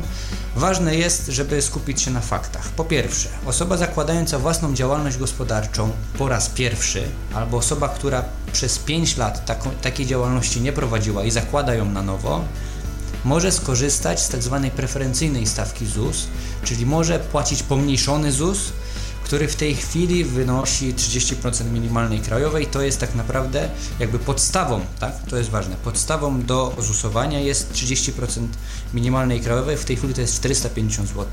Dokładnie, bo mamy minimalną krajową 1500, więc łatwo to wyliczyć. Więc to jest pierwsza rzecz. Drugą, jakby jeżeli już prowadzimy tą działalność dłużej, to minimalną stawką ozusowania naszej działalności, czyli naszą minimalną deklaracją, ile będziemy zarabiać, to jest 60% średniej krajowej, tak? Czyli zakład, prowadząc tą działalność w ZUS-ie mówimy, że minimalnie zarabiamy 60% średniej krajowej. I teraz osoby, które y, pobierają składki, na pewno są zorientowane, znaczy, przepraszam, pobierają świadczenia, na pewno są zorientowane, że mogą sobie tak naprawdę dorobić, jeżeli chodzi o rentę z tytułu y, niezdolności do pracy, y, jakby progiem nieruszenia tej renty jest 70% średniej krajowej. To znaczy, że czy pomniejszony ZUS, czy już ten pełny ZUS podczas prowadzenia własnej działalności na tych minimalnych progach, czyli 30 minimalnej krajowej i 60 średniej krajowej, to nie jest coś, co może spowodować, żeby ta renta została w jakiś sposób zawieszona. Tak? A drugą jakby nowinką, nowością, o której może jeszcze nie wszyscy wiedzą, jest to, że od stycznia tego roku e, próg renty socjalnej też został zwiększony. Wcześniej on wynosił, nie chcę popełnić tutaj błędu, ale wydaje mi się, że wynosił 30% minimalnej albo 30% średniej krajowej. No, nie ma to znaczenia w tej chwili, ponieważ został on podniesiony również do tych 70% e, średniej krajowej, tak? Więc to znaczy, że i osoby na rencie socjalnej, i osoby na, na rencie z tytułu niezdolności do pracy tak naprawdę z samego tytułu założenia własnej działalności, jeżeli nie mają innych umów o pracę i innych umów zlecenie, które by tam dobiły tych kilka procent jeszcze do tego progu, mogą spokojnie taką działalność zakładać bez jakby niepokoju, że to świadczenie zostanie im zawieszone. I wtedy bezproblemowo, ile mm, w ramach prowadzenia tej działalności by nie zarobiły, to nie mają się czego obawiać, bo po prostu ta renta zawsze gdzieś tam będzie. Tak, to jest ważne, że w momencie, kiedy deklarujemy nasz, nasz ZUS, to jakby deklarujemy, tyle będziemy zarabiać, ale czy w praktyce nic nie zarobimy, to tak czy siak te składki od tych 30 y, minimalnej, tudzież 60 średniej krajowej trzeba zapłacić. Ale jeżeli zarobimy, prawda, i 60 tysięcy, i 100 tysięcy w miesiącu, to też to nie wynika jakby na, na, na to, że ta, to świadczenie zostaje zawieszone, bo tak naprawdę ZUS bierze pod uwagę to, co my zadeklarowaliśmy. Tak? I oczywiście są tego plusy i minusy. Minusem jest tego, że tyle ile deklarujemy i tyle ile wpłacamy na ZUS, no to tyle będzie wynosić nasza emerytura w przyszłości w bardzo dużym skrócie, jak tutaj Renata też wcześniej o tym mówiła. Odbierzmy może kolejny telefon, bo mamy zdaje się kogoś na linii. Halo, słuchamy? Dzień dobry, kłaniam się uprzejmie, szanowany. Witam Michałek, znaczy witam też Kości. E, ja mam takie pytanie, ponieważ e, e, działalność gospodarcza działalnością gospodarczą, ale pytanie mam takie. Ja pracuję na etacie w tej chwili, zarabiając najniższą krajową. I teraz tak, chciałbym założyć z bratem działalność gospodarczą fakt. Wszystko jest ładnie, pięknie, działalność mogę założyć. Natomiast E, żeby ta działalność zastartowała, potrzebne są pieniądze. Pieniądze takie troszkę większe, znaczy nie, nie jakieś super pieniądze, ale troszkę większe. I teraz są, chciałem zapytać gości odnośnie y, takich barier, typu właśnie dofinansowanie. Do mnie mówiono, mówiono, że ja nie mogę dostać dofinansowania jako osoba niepełnosprawna na e, rozpoczęcie działalności gospodarczej, czy na start firmy, jeśli pracuję na etacie. Obojętnie ile bym zarabiał. Jak to, czy, czy Państwo mają jakieś tutaj wiadomości w tym temacie? Jak to wygląda? E, to znaczy tak, ja może zacznę od tego, e, warto byłoby się zastanowić, jaka instytucja byłaby tą, która by nas finansowała. I od tego warto zacząć, bo jeżeli bierzemy pod uwagę, że będzie to na przykład Urząd Pracy, no to tutaj warunkiem koniecznym jest to, że muszę być osobą bezrobotną. Tak? Już nawet nie tylko ze statusem poszukującej pracy, ale bezrobotnym. A bezrobotny to jest osoba, która nie posiada zatrudnienia. A więc automatycznie jakby tutaj Pana wyklucza. Warto jest zwrócić uwagę, że jeżeli bierzemy pod uwagę, że chcemy, tak, jeżeli chcemy y, otrzymać jakieś pieniądze na start, to tutaj y, szeroką y, droga, szeroka droga otwiera się w tych różnego typu działaniach z projektów operacyjnych, projektu operacyjnego Kapitał Ludzki. E, w skrócie POKL. To są działania 6.2, które wspierają działalności gospodarcze i tutaj mamy takie możliwości jak e, dofinansowanie czy sfinansowanie na otwarcie działalności gospodarczej, ale również mamy różnego typu działania na rozwój tej działalności gospodarczej, tak? Czyli nie tylko e, otwarcie, tak, pieniądze na start, ale również na rozwój. Tylko tutaj warto jest pamiętać o tym, że trzeba dobrze by było się zorientować, czy na danym terenie, gdzie zamieszkujemy, będzie taki projekt prowadzony, kiedy będzie prowadzony, jakie warunki trzeba spełnić. Tutaj ważne jest to, żeby powiedzieć, że jest bardzo dużo osób, które chciałyby podjąć działalność i tak naprawdę jedynym warunkiem, e, który, e, który sobie stawiają, jest to, żeby dostać te pieniądze na start. No, tak naprawdę to nie jest to tak naprawdę najważniejsze. Ważne jest to, że jeżeli mamy rynek e, zbadany, wiemy, co chcemy robić i wiemy, że będziemy mieć na to zbyt, czy to będą nasze usługi, czy to będą towary, które będziemy produkować czy sprzedawać, to tak naprawdę te pieniądze na start, one nie są tak strasznie konieczne. Oprócz y, jakby tych form takich, y, y, które jeszcze mamy z, z tych działań Europejskiego Funduszu Społecznego, możemy również starać się o na przykład kredyt, tak, o jakieś pożyczki. I tutaj jest bardzo dużo takich możliwości. Wiadomo, że tutaj no, będziemy brać pod uwagę y, jakby najbardziej korzystniejsze dla nas, tak? Jeżeli weźmiemy pod uwagę te banki, które w tym momencie oferują tego typu e, e, możliwości, no to wiadomo, że będziemy musieli zwrócić no, troszkę więcej tych pieniędzy niż e, pożyczyliśmy na to otwarcie działalności. Natomiast no, warto jest to po prostu przekalkulować. Mam nadzieję, że odpowiedziałam chociaż w części na pytanie. To znaczy, ale e, na przykład, e, gdzie warto, nie wiem, zadzwonić się, dowiedzieć, czy są jakieś tam POKL prowadzone, mhm. na przykład, e, no bo, no bo się mówi, warto gdzieś się zorientować, no ale tak naprawdę nie wiadomo gdzieś idzie, lecz nie wiadomo gdzie.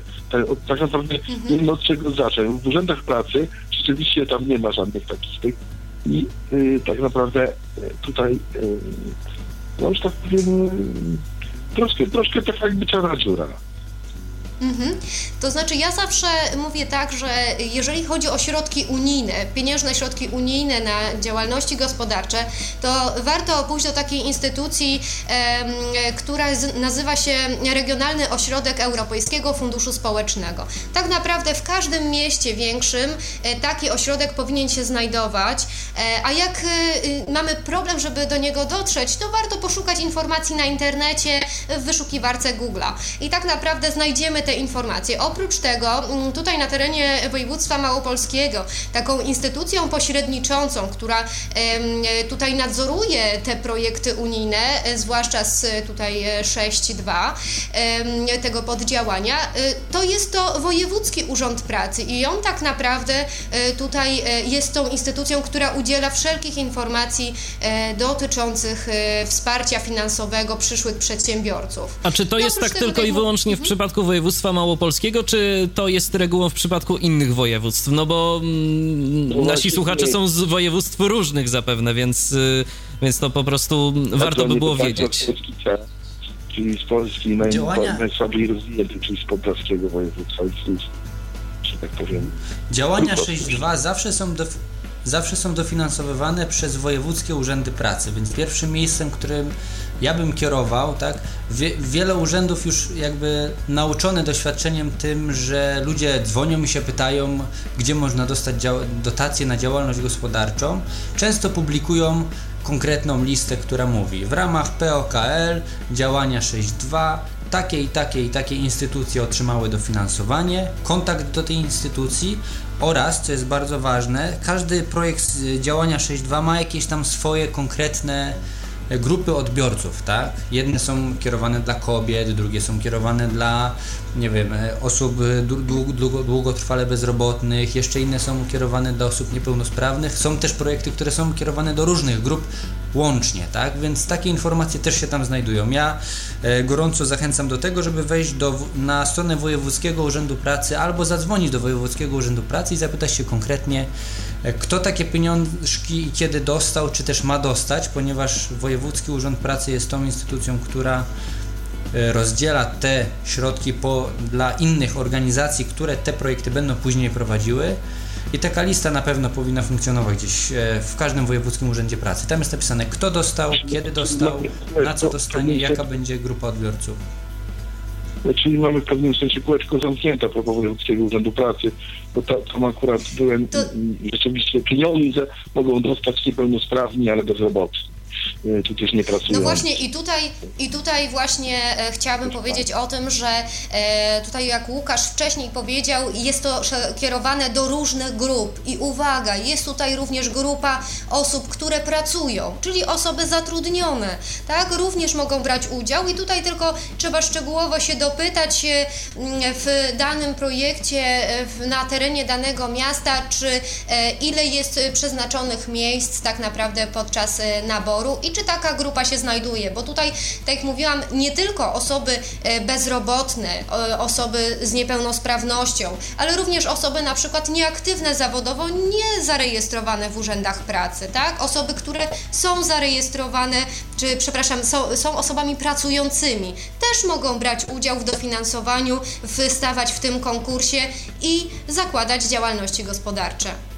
Może żeby bardziej tak wyjaśnić, bo mówimy o dwóch rzeczach, tak? Jedna rzecz, czyli pieniążki, które są przeznaczone dla osób e, niepełnosprawnych i bezrobotnych, to są pieniążki, które przekazuje PEFRON e, starostwu powiatowemu. Starostwo powiatowe przekazuje je do Urzędu Pracy. Urząd Pracy tymi pieniążkami dysponuje i to są dotacje które de facto idą z PFRON-u, tak? To jest jedna pula pieniążków, o których można mówić i to są pieniążki, które są zabezpieczone ustawowo, przeznaczone na ten cel. A drugim jakby obszarem, o którym mówiliśmy tutaj, to jest właśnie, są projekty 6.2 i te projekty 6.2 mają najróżniejsze grupy odbiorców, są w nich po prostu... Yy, tak naprawdę te grupy, które w danym obszarze zdają się najbardziej potrzebujące i w tych grupach zdarzają się i osoby pracujące, które planują, nie wiem, zmienić pracę i osoby, które są niepełnosprawne i dopiero wchodzą na rynek pracy. Te grupy są bardzo różne, stąd też myślę, że jeżeli chodzi o 6.2, jeżeli Urząd Pracy nie wyraziłby jakiejś tam informacji, nie byłoby tego miejsca, żeby tą, do, do tych informacji się dobić, to na pewno E, tutaj ROEFSy są tymi e, miejscami, gdzie można dotrzeć, czyli regionalne. Ośrodki Europejskiego Funduszu Społecznego. A to, to spróbuję odwiedzić, bo tam, bo tam rzeczywiście, no nie wiedziałem o czymś takim. O Urzędzie Pracy, tak, Zapraszam. to wiem, co mi tam. I powodzenia życzymy w poszukiwaniu źródeł finansowania, bo to się na pewno przyda każdemu. Y, no nie, no akurat tutaj, tutaj w tym przypadku jest to potrzebne, jeżeli chcemy startować tak, na większą skalę. Jasne, no, dobrze. Dziękujemy Ci bardzo za telefon. Do usłyszenia. Jeżeli ktoś jeszcze chciałby do nas zadzwonić, 223988027 wewnętrzny 938 oraz skype tyflopodcast.net. No i tak y, nasz słuchacz zahaczył o kwestie finansowe. Wspomnieliśmy, skąd można dostać dotacje E, na rozpoczęcie mm, działalności własnej w różnych przypadkach, bo to przecież też jest e, często tak, że właśnie ktoś pracuje na etacie, no a ta działalność gospodarcza to jest e, jakaś tam dodatkowa rzecz, która może kiedyś przerodzi się w podstawowe źródło zarobków, ale jeszcze na chwilę obecną to nie jest to, z czego można by się utrzymać, plus ewentualną jakąś tam rodzinę, jeżeli ktoś ma. Czy jeszcze jakieś e, są miejsca, w których e, można się finansowo wspomóc, e, szczególnie w takim przypadku, jeżeli nie widzimy albo po prostu jesteśmy niepełnosprawni, gdzieś jeszcze ktoś coś daje? Znaczy, no właśnie tutaj te rzeczy, które Łukaszu, jakbym mógł Cię prosić, abyś jeszcze raz powtórzył, bo na moment straciliśmy łączność, ale już całe szczęście wróciliśmy. Jasne. Jeżeli chodzi o te mechanizmy, które funkcjonują ustawowo tutaj w Polsce i należą się wszystkim osobom z niepełnosprawnościami, no to to są te dotacje, które jakby dawane są przez y, urzędy pracy, a te pieniążki pochodzą z PEFRONu i to jest y, jakby ta jedna pula. Druga pula to są te sześć dwójki, o których powiedzieliśmy y, i to są takie dwie naj, największe jakby beczułki z pieniążkami za darmo, tak bym je nazwał za darmo, w sensie takim, że są to dotacje. E, jakby drugą półką miejsca szukania finansów do tego, żeby zakładać działalność, byłyby ewentualnie jakieś e, kredyty. Tutaj jednak warto zauważyć, że są nie, nie o i znowu mamy niestety jakiś problem z łącznością, więc jeszcze raz mówiłeś o kredytach, mówiłeś o kredytach, więc y, tak, co z nimi? Że że nie chodzi tutaj o takie kredyty konsumenckie, które są bardzo wysoko oprocentowane, tylko są takie kredyty bardzo e, sprzyjające przedsiębiorcom. Oczywiście wiadomo, jak każdy kredyt, coś one kosztują. To nie jest tak, że dostajemy pieniądze i zwrócimy e, dokładnie taką samą e, kwotę, jaką dostaliśmy, ale są różnego rodzaju mechanizmy, na przykład e, regionalnych ośrodków e, finansowych, które w jakiś sposób wspierają młodych przedsiębiorców. Są nawet takie instytucje, e, które po prostu tym się zajmują, tak, że oferują preferencyjne kredyty dla przedsiębiorców, którzy już prowadzą swoją działalność i chciałyby ją rozwijać, albo dla osób, które chcą założyć takie firmy konkretnie, tak. I to jest jakby taka druga półka, na której można byłoby się oprzeć. No a trzecią jest już w tym jakby ostatecznym rozrachunku konkretny kredyt konsumencki. E, tak mi się wydaje, że to byłoby te jakby trzy szczeble, tak? Zawsze można jeszcze, prawda, wziąć od mamy, od taty, gdzieś tam pozbierać te oszczędności, ale jakby mówiąc o tych pieniążkach, skoro już przy nich jesteśmy, ja bardzo, bardzo, bardzo gorąco zachęcam do tego, żeby zupełnie wyjść z takiego mentalnego zafiksowania się, takiej mentalnej pułapki, która bardzo funkcjonuje w Polsce, nie tylko wśród osób niepełnosprawnych, ale w ogóle wśród wszystkich osób, które myślą o zakładaniu własnej działalności. Mianowicie działalność tylko jeżeli będzie dotacja. Kiedyś nie było tych dotacji.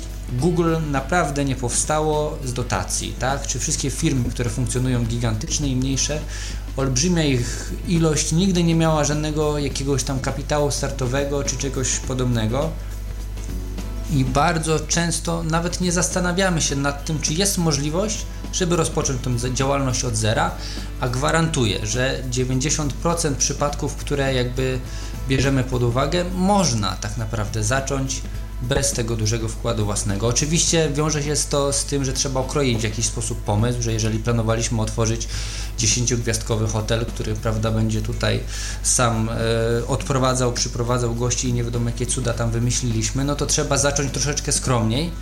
Ale mimo wszystko działalność można zakładać bez dotacji. Ja tutaj jestem gorącym fanem tego, aby naprawdę, jeżeli ktoś ma wątpliwości, ja z każdą osobą chętnie usiądę i porozmawiam o tym, co chcemy zrobić, ile na to potrzebujemy pieniędzy, dlaczego te pieniądze potrzebujemy i czy rzeczywiście jest sens, żeby wiązać się z jakąś instytucją, która te pieniądze musi nam dać, czy z jakąś instytucją, której te pieniądze będziemy musieli oddawać, tak? Czy to w ogóle ma sens, czy to jest potrzebne, ponieważ e, jakby z tytułu realizacji projektu Vision Enterprise dużo osób się pojawia z różnymi bardzo fajnymi pomysłami i te osoby jakby w pewnym momencie znowu wskakują, wskakują w ten tor, że dotacja równa się firma. Nie ma dotacji, nie ma firmy, nie zakładam, koniec, kropka. No i w tym momencie jakby cała praca idzie nie do końca tam, gdzie trzeba. Oczywiście nie, nie upieram się, że każdą działalność można założyć za 0 zł, ale weźmy pod uwagę tą opcję, zastanówmy się, co już mamy, co możemy wykorzystać, jaki my potencjał mamy, jakie my już tak naprawdę jakieś tam techniczne rzeczy posiadamy, żeby tą działalność założyć bez konieczności wiązania się, szukania tej dotacji. Oczywiście jest łatwiej, oczywiście fajnie jest dostać 40 tysięcy na to, żeby taką działalność rozkręcić, ale nie warunkujmy tego, żeby prowadzić własną działalność od tego, czy te pieniądze się pojawią, czy nie. Jeżeli tak zrobimy, to wydaje mi się, że to nie jest do końca postawa przedsiębiorcza.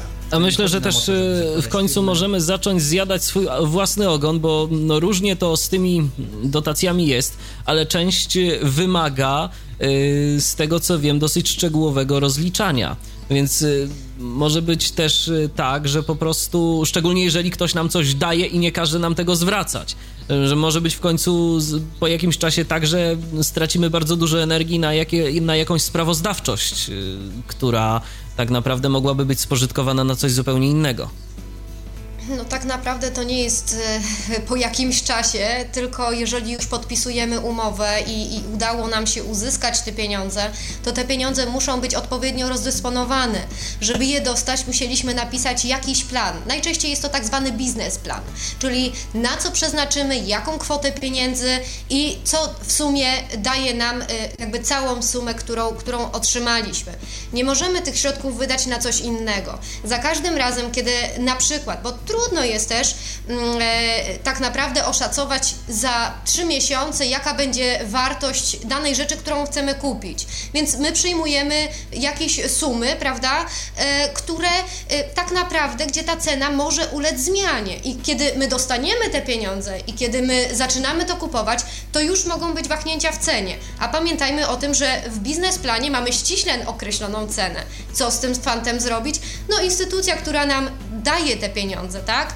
Musimy, podpisaliśmy z nią umowę. Teraz musimy za każdym razem aneksować tę umowę, zwracać się z prośbą, czy możemy na przykład te pieniądze, które nam zostały wydatkować w inny sposób. W innym przypadku pieniądze będziemy musieli zwrócić. Więc to tak naprawdę nie jest wcale takie proste samo dostanie się e, i, dostanie się do tych szczęśliwych osób, które dostaną dofinansowanie, to jest jedno. Pamiętajmy o tym, że to wszystko jest, e, rozciąga się w czasie. Zanim e, zostanę wciągnięty na tą listę oczekujących na dotację, to jest jedno. Muszę przejść szereg szkoleń, które też jakby tutaj, no ten czas mi mocno wydłużają. Potem mam określony czas, jak dostanę te pieniądze na ich wydatkowanie. Potem muszę się w odpowiednim czasie rozliczyć. Więc to tak naprawdę wszystko nie jest takie proste. I szczerze powiem, że w większości przypadków, z którymi się spotykam, e, osoby e, później, po, już po fakcie, tak, jak już dostały te pieniądze, założyły tą działalność, bardzo często właśnie mówią, że to, to był błąd, że, że wzięły te pieniądze i, i tak naprawdę mogłyby spokojnie, mniejszym nakładem finansowym, ale dojść do tego samego, do czego doszły kiedy, kiedy wzięły y, te pieniądze, tylko że z mniejszymi jakby y, problemami e, związanymi z ich rozliczaniem. Do rozmowy z moimi dzisiejszymi gośćmi wrócimy już za kilka minut. Zresztą, tak patrząc na zegarek, to widzę, że nam niewiele tego czasu dzisiejszej audycji zostało, bo teraz e, zapraszam do wysłuchania trzeciej i zarazem ostatniej rozmowy z niewidomym przedsiębiorcą, jaką przygotowałem na dzisiejszą audycję Tyflo Podcastu w Radiu N. Tym razem gościem Tyflo Podcastu będzie Rafał Marzec, e, współwłaściciel firmy Art Int. Kolejnym gościem Tyflo Podcastu w Radiu N jest Rafał Marzec. Witaj Rafale. Witam serdecznie. Ty jesteś także niewidomym przedsiębiorcą, który postanowił założyć firmę. Może na dobry początek, jaka to firma i czym się zajmujesz? Ja założyłem razem z moją narzeczoną firmę. Y, firma nazywa się Art Int i jest to w wielkim skrócie można powiedzieć y, internetowa agencja reklamowa. Zajmujemy się kompleksową opieką klienta biznesowego, tworzymy strony internetowe, zajmujemy się obróbką grafiki, również e, zdjęciami. Zajmujemy się mm, tworzeniem sklepów internetowych dla klientów, zarówno indywidualnych, jak i biznesowych. Zajmujemy się również wizytówkami, tworzeniem plakatów, drukiem ulotek. No i to właściwie w takim, można powiedzieć, skrócie wszystko. No to taka dosyć mocno graficzna działalność. To jak sobie z tym wszystkim radzisz y, w przypadku braku wzroku? Y, co na przykład ty robisz, y, jeżeli chodzi o firmę? Ja zajmuję się wieloma rzeczami związanymi z na przykład marketingiem, pozyskiwaniem klientów. No i jestem, można powiedzieć, właściwie jednym z szefów, czyli, czyli zarządzam jakby firmą. E, tak, to prawda. Firma jest przede wszystkim mm, nastawiona, można powiedzieć, na grafikę, ale mamy od tego pracowników zewnętrznych, czyli po prostu grafików, którzy na nasze zlecenie zajmują się e, pracą dla klienta. A dlaczego właściwie firma? Dlaczego zdecydowaliście się właśnie na tę działalność, a nie na przykład po prostu na poszukanie pracy u kogoś na etacie? Przecież to wiadomo, no tak się mówi przynajmniej, zarobek pewniejszy, nie trzeba się o nic martwić, no a jednak firma to ponoć ryzyko. Tak, oczywiście. Jest to na pewno duże ryzyko. No ale jak mawiają, kto nie ryzykuje, ten tak naprawdę nie wie, co traci. A z drugiej strony powiem tak, no ja przez y, wiele lat y, poszukiwałem pracy, głównie przez internet, y, ponieważ oprócz tego, że jestem osobą niewidomą, jestem również osobą niepełnosprawną, można powiedzieć uzależnioną od wózka inwalidzkiego co również w jakimś tam stopniu utrudniło to poszukiwanie pracy. W listopadzie zeszłego roku, po właściwie, no, można powiedzieć, krótkim namyśle, zdecydowaliśmy razem z narzeczoną, że otworzymy własną działalność i spróbujemy zrobić coś własnego po prostu. No i zobaczyć, co z tego wyjdzie. A jeżeli chodzi o zakładanie własnej działalności, to jak to wyglądało? Bieganie po urzędach, czy już jedno okienko tym razem? Y, już tym razem jedno okienko. Znaleźliśmy w internecie informacje o pewnej firmie, która zajmuje się, można powiedzieć, takim prowadzeniem klienta biznesowego. Właściwie można powiedzieć, w tej firmie odbywa się to w ten sposób, że prowadzą nas po prostu krok po kroku przez proces y, tworzenia, zakładania firmy. Ludzie ci pomagają wypełniać dokumenty, pomagają również podpowiadać, w jakich rubrykach należy co wpisać. Właściwie można powiedzieć, że wszystko sami załatwiają. Przede wszystkim jest to firma, która zajmuje się prowadzeniem biura rachunkowego dla firm. Jest to o tyle wygodne również, że tutaj nie musimy zatrudniać kogoś, kto będzie księgowym, tylko po prostu uiszcza się miesięczną opłatę abonamentową która w zasadzie jest no, znacznie mniejsza niż płata dla księgowej czy księgowego, który chcielibyśmy zatrudnić a właściwie w pakiecie mamy, mamy całkowitą ochronę księgową, mamy również jakieś e, porady na miejscu. Także myślę, że jest to dobre rozwiązanie dla takich młodych firm, które dopiero zaczynają i też o tej księgowości tak naprawdę nie mają pojęcia. Jest to taka firma, która, która pomaga właściwie po pierwsze przejść przez proces rejestracji firmy, a po drugie też zajmuje się właśnie y, naszą księgowością. Czyli jak rozumiem, papierków tak zwanych, bo to też miałem pytać, nie tykacie, po prostu tak, zlecacie tak. to zewnętrznej firmie. Tak, tylko po prostu raz w miesiącu zawozimy do y, siedziby firmy nasze faktury i w zasadzie na tym się kończy nasz kontakt z księgowością. A z czego korzystasz e, przy prowadzeniu firmy? Komputer to na pewno, ale czy jeszcze jakieś wyspecjalizowane pomoce, czy w zasadzie komputer wystarcza? Komputer z programem udźwiękawiającym w zasadzie wystarczy do, do tego akurat czym się zajmuję, czyli głównie do zarządzania, do pozyskiwania klientów, do kontaktu telefonicznego, na przykład y, poprzez Skype dla firm. W zasadzie na tym się to kończy. Tak naprawdę również jeżeli chodzi o reklamę firmy w internecie, y, wystarcza mi w zupełności komputer i czytnik ekranu. A czy uważasz, e, że to, że nie widzisz, czy że poruszasz się na wózku w jakiś sposób ogranicza cię, jeżeli chodzi o prowadzenie własnej firmy? Czy uważasz, że no, gdybyś był w pełni sprawny, byłoby prościej? E, to znaczy, na pewno byłoby prościej o tyle, jeżeli chodzi o taki kontakt e, z klientem face to face, czyli łatwiej na pewno byłoby dojechać do klienta spotkać się z nim, porozmawiać na żywo. Powiem szczerze, niektórzy klienci, y, szczególnie ci, którzy dłużej mają biznes na rynku, y, no są bardzo nieufni, jeżeli chodzi o rozmowy przez y, telefon czy internet. No i osoby te oczywiście wymagają tego, aby spotkać się z nimi i porozmawiać na żywo. W moim przypadku jest to na pewno utrudnienie. No i tym można powiedzieć zajmuje się moja druga połowa, y, czyli oczywiście y, narzeczona, która jest wspólniczką w firmie, mm, ona zajmuje się właśnie takimi spotkaniami na żywo. A czy naszym słuchaczom poleciłbyś e, założenie własnej działalności gospodarczej e, osobom niewidomym, które w tym momencie słuchają Tyflo Podcastu na antenie Radia N? Czy twoim zdaniem to jest dobry sposób na zarobek, dobry sposób na radzenie sobie w życiu, taka własna firma? Tak, myślę, że tak. Zresztą y, nawet kilka osób niewidomych y, znam, które, które prowadzą firmy.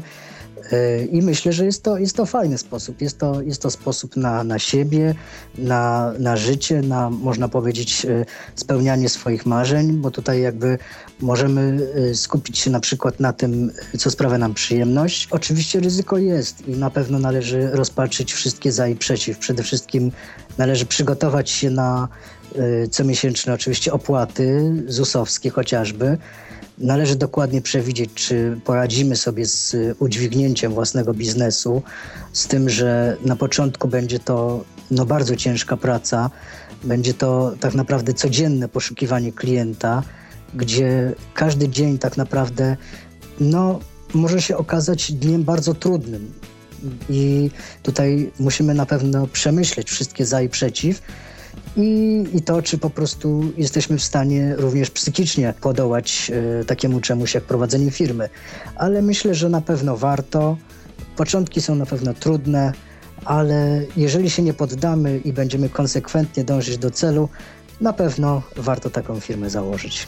A gdybyś tak y, policzył i podsumował, to ile czasu dziennie czy tygodniowo poświęcasz na własną firmę? wyszłoby, że jest to więcej, czy jest to mniej niż na etacie? Na pewno jest to znacznie więcej. Mm, ja mogę powiedzieć, że no jest, to, jest to około 12 godzin yy, na dzień. Czasami zdarza się również, że mamy jakiś telefon o godzinie powiedzmy 20 czy 21. No, zwykle, zwykle po prostu takich telefonów raczej się nie odbiera, ponieważ no wiadomo, że chcemy mieć ten czas dla siebie ale na początku zdarzało się, że i takie telefony odbieraliśmy, ponieważ no, każdy klient jest ważny i, i na, pewno, na pewno nie można też e, tego zlekceważyć. Przynajmniej w tych, w tych fazach takich początkowych, gdzie wszystko jest, każda, każda drobnostka tak naprawdę się liczy, ale staramy się oczywiście tego czasu e, jak najwięcej mieć dla siebie, dla, dla bliskich, dla rodziny. Myślę, że wszystko to się da wypośrodkować i na pewno jest to bardziej elastyczne z kolei niż e, praca na etacie, ponieważ tutaj e, w pracy na etacie jakby pracujemy e, ciągle, bez przerwy, powiedzmy 8 godzin, a tutaj możemy sobie ten czas rozłożyć właściwie w ciągu dnia. Tutaj nic nas nie ogranicza, możemy zrobić sobie przerwę, kiedy nam się podoba. Czyli jednym słowem warto. Tak, myślę, że warto. Dziękuję Ci bardzo, Rafale, za rozmowę i oczywiście życzę Tobie, jak i Twojej narzeczonej sukcesów w prowadzeniu firmy. Dziękuję serdecznie. Przypomnę, Rafał Marzec, współwłaściciel firmy Art Int, był gościem Tyflo Podcastu na antenie Radia N. No i powolutku nasze dzisiejsze spotkanie na antenie Radia N w ogóle już y, dobiegać będzie do końca, bo 21 coraz bliżej. Więc tak y, na koniec y, pytanie do Renaty i do Łukasza. Co moglibyście naszym słuchaczom powiedzieć? Co mm, na podsumowanie tej naszej dzisiejszej audycji, w której to mówiliśmy o tym, że własna działalność to jest bardzo fajna sprawa, tylko podejrzewam, że jeszcze no nie wszystkich się udało przekonać i pewnie nie uda się przekonać jeszcze wielu, nawet mimo prezentowania tych materiałów, które, yy, które zaprezentowaliśmy. Mm, są osoby, którym się udało, no ale jednak obawy są i to podejrzewam, że dużo osób ma te obawy. E, ja myślę, że najważniejsze czy ważne generalnie jest to, żeby jeżeli jesteśmy osobami, które myślą o podjęciu działalności gospodarczej, w jakiej bądź formie, e, należy to dobrze przemyśleć, należy dobrze sprawdzić rynek, należy przede wszystkim wyznaczyć sobie cel, co da mi tak naprawdę prowadzenie tej działalności, do czego ja chcę dążyć, co w tym jest takiego atrakcyjnego, za jaki okres czasu osiągnę to coś, co bym chciał? E, i co, co, co jest dla mnie takiego atrakcyjnego w tym, że, że chcę do tego dążyć. Jeżeli tego nie będzie, to e, ten cel, e, który sobie gdzieś tam wyznaczę z, z założeniem tej działalności gospodarczej, z prowadzeniem tej działalności gospodarczej, gdzieś tak naprawdę ucieknie nam na dalszy plan i nie będzie spełniał tej funkcji, którą no, chcielibyśmy na początku, planując to wszystko, e, żeby spełniał. Tak?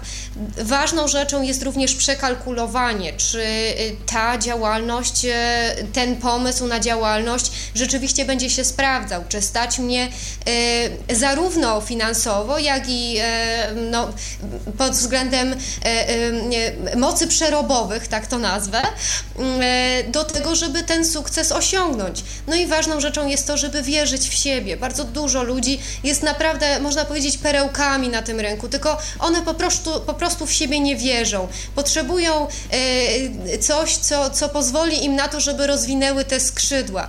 Ja nie mówię, że działalność gospodarcza jest dla każdego, bo tak nie jest, ale jest gro ludzi, którzy e, tak naprawdę boją się podjąć tej działalności, bo obawiają się, że e, z tym będą się wiązać różnego typu negatywne rzeczy, a przecież działalność może być czymś pozytywnym. To ja myślę, że tutaj jedyne co mogę dodać to przede wszystkim to, że e, no, w tej decyzji czy w jakichkolwiek innych rzeczach tutaj będziemy starali się cały czas pomóc, ponieważ projekt Vision Enterprise trwa. E, jeżeli są osoby, które myślą o zakładaniu własnych działalności i chciałyby, prawda, tutaj jakiegoś wsparcia uzyskać z naszej strony, no to jesteśmy do tak naprawdę każdej dyspozycji. Jeżeli też są osoby, które już prowadzą na przykład działalność, ale tam coś nie do końca idzie tak jak trzeba, czy jakiś jest spadek obrotów, czy jakieś tam problemy się pojawiają, no to tutaj też jesteśmy od tego, żeby pomóc e, osobom z niepełnosprawnością wzroku do tego, żeby tutaj te obroty zwiększyć. Ja gorąco zachęcam do kontaktu, jakby tutaj ta nasza audycja pozwala nam przede wszystkim skreślić kilka mitów, które mówią o tym, że osoba niepełnosprawna czy osoba z niepełnosprawnością wzroku nie może, bo to nie jest prawda, co, co jakby pokazaliśmy, a jeżeli pojawią się jakiekolwiek inne wątpliwości, no to ja zachęcam do kontaktu. Jesteśmy w Fundacji cały czas do Państwa dyspozycji, żeby odpowiedzieć na pytania i tak naprawdę pomóc. A jak się można skontaktować? E, może podajmy jakiś konkretny namiar, gdyby ktoś e, słuchał tej audycji i chciał na przykład z Tobą, Łukaszu, e, jakiś kontakt nawiązać bezpośredni? Do mnie bezpośrednio numer telefonu komórkowy to jest 663 000 i gorąco zachęcam do dzwonienia. Jeżeli ja nie odbiorę w tej chwili, to na pewno oddzwonię. Zachęcam też do wysyłania maili lukasz www.hop.firr.org.pl jeżeli podałem za szybko, no to zachęcam do odwiedzenia strony internetowej fundacji, gdzie w zakładkach projekty można znaleźć projekt Vision in Enterprise i tam są e, szczegółowe namiary na mnie i też jakaś e, taka informacja krótsza na temat projektu i działań, które się dzieją. I oczywiście pod e, tym odcinkiem, którego słuchacie w tym momencie, a który już niebawem zostanie opublikowany na stronie Tyflo Podcastu. Można także w komentarzach y, pytać. Y, no i myślę, że także mm, Łukasz czy Renata będą zaglądać od czasu do czasu i, i także y, postarają się jakieś wątpliwości rozwiewać. Ja bardzo dziękuję Wam e, za pojawienie się e, w tej audycji, w audycji Tyflo Podcast w Radiu N. No i mam nadzieję, że to nie jest nasze ostatnie spotkanie, że jeszcze kiedyś się spotkamy i porozmawiamy. No i przede wszystkim e, porozmawiamy już o sukcesie projektu Vision in Enterprise, bo w końcu o to chodzi, bo to bardzo fajny projekt jest i oby się wszystko udało zrobić tak, jak trzeba. No, sukcesami myślę przede wszystkim będą te działalności, które powstaną. No i ja też zachęcam do tego właśnie, żeby, jeżeli drodzy Państwo chcecie zakładać działalności gospodarcze i z prawda oczywistych przyczyn, na przykład jesteście bardzo daleko od Krakowa, ale wokół Was jest Urząd Pracy, czy doradcy zawodowi, czy na przykład e, regionalne punkty, czy w ogóle e, punkty informacyjno-doradcze sieci KSU, które prowadzi PARP to są instytucje, które są stricte nacechowane na wsparcie biznesowe i jeżeli traficie do takiej instytucji, jeżeli nie spotkacie się jakby z wystarczająco kompetentnymi osobami, to my też z naszej strony gorąco służymy radą tym osobom, które tak naprawdę mogą wspierać osoby z niepełnosprawnością wzroku, czyli każdy doradca biznesowy, doradca zawodowy, tudzież pracownik, który będzie pomagał osobom z niepełnosprawnością wzroku zakładać firmy, może do nas się skontaktować i korzystać z tych materiałów, które my też niebawem opublikujemy jako efekty wymierne tego projektu, który się właśnie będzie tutaj, prawda, przeinaczał w kolejny etap działania. Renata Liwosz, doradca biznesowo-zawodowy oraz Łukasz Hoppe z Fundacji Instytut Rozwoju Regionalnego to byli moi dzisiejsi goście dzisiejszego odcinka Tyflo Podcastu na antenie Radia N. Dziękuję raz jeszcze, do usłyszenia. Dziękujemy, Dziękujemy. również, pozdrawiamy, do usłyszenia. A kolejny Tyflo Podcast w Radiu N, rzecz jasna, już za tydzień po godzinie 19. Zapraszam bardzo, bardzo serdecznie. Wtedy także się usłyszymy ponownie. A jeżeli chodzi o audycję muzyczną, to usłyszymy się dzień wcześniej, bo spotkamy się w niedzielę po godzinie 20. Zapraszam wtedy na moją autorską audycję z archiwum M. Michał Dziwisz, kłaniam się. Do usłyszenia. Przekaż 1% swojego podatku na rzecz Fundacji Instytut Rozwoju Regionalnego. Dodatkowe środki pomogą nam zorganizować jeszcze więcej darmowych i wartościowych kursów dla osób niewidomych i słabowidzących. Dzięki temu będzie im łatwiej znaleźć pracę i cieszyć się niezależnym życiem. Wystarczy, że wpiszesz w swoim zeznaniu podatkowym nasz numer KRS 40170 802. Fundacja Instytut Rozwoju Regionalnego. Prowadzimy osoby niepełnosprawne do ich celów. Był to Tyflo Podcast. Audycja o technologiach wspierających osoby niewidome i słabowidzące. Audycja współfinansowana ze środków Państwowego Funduszu Rehabilitacji Osób Niepełnosprawnych.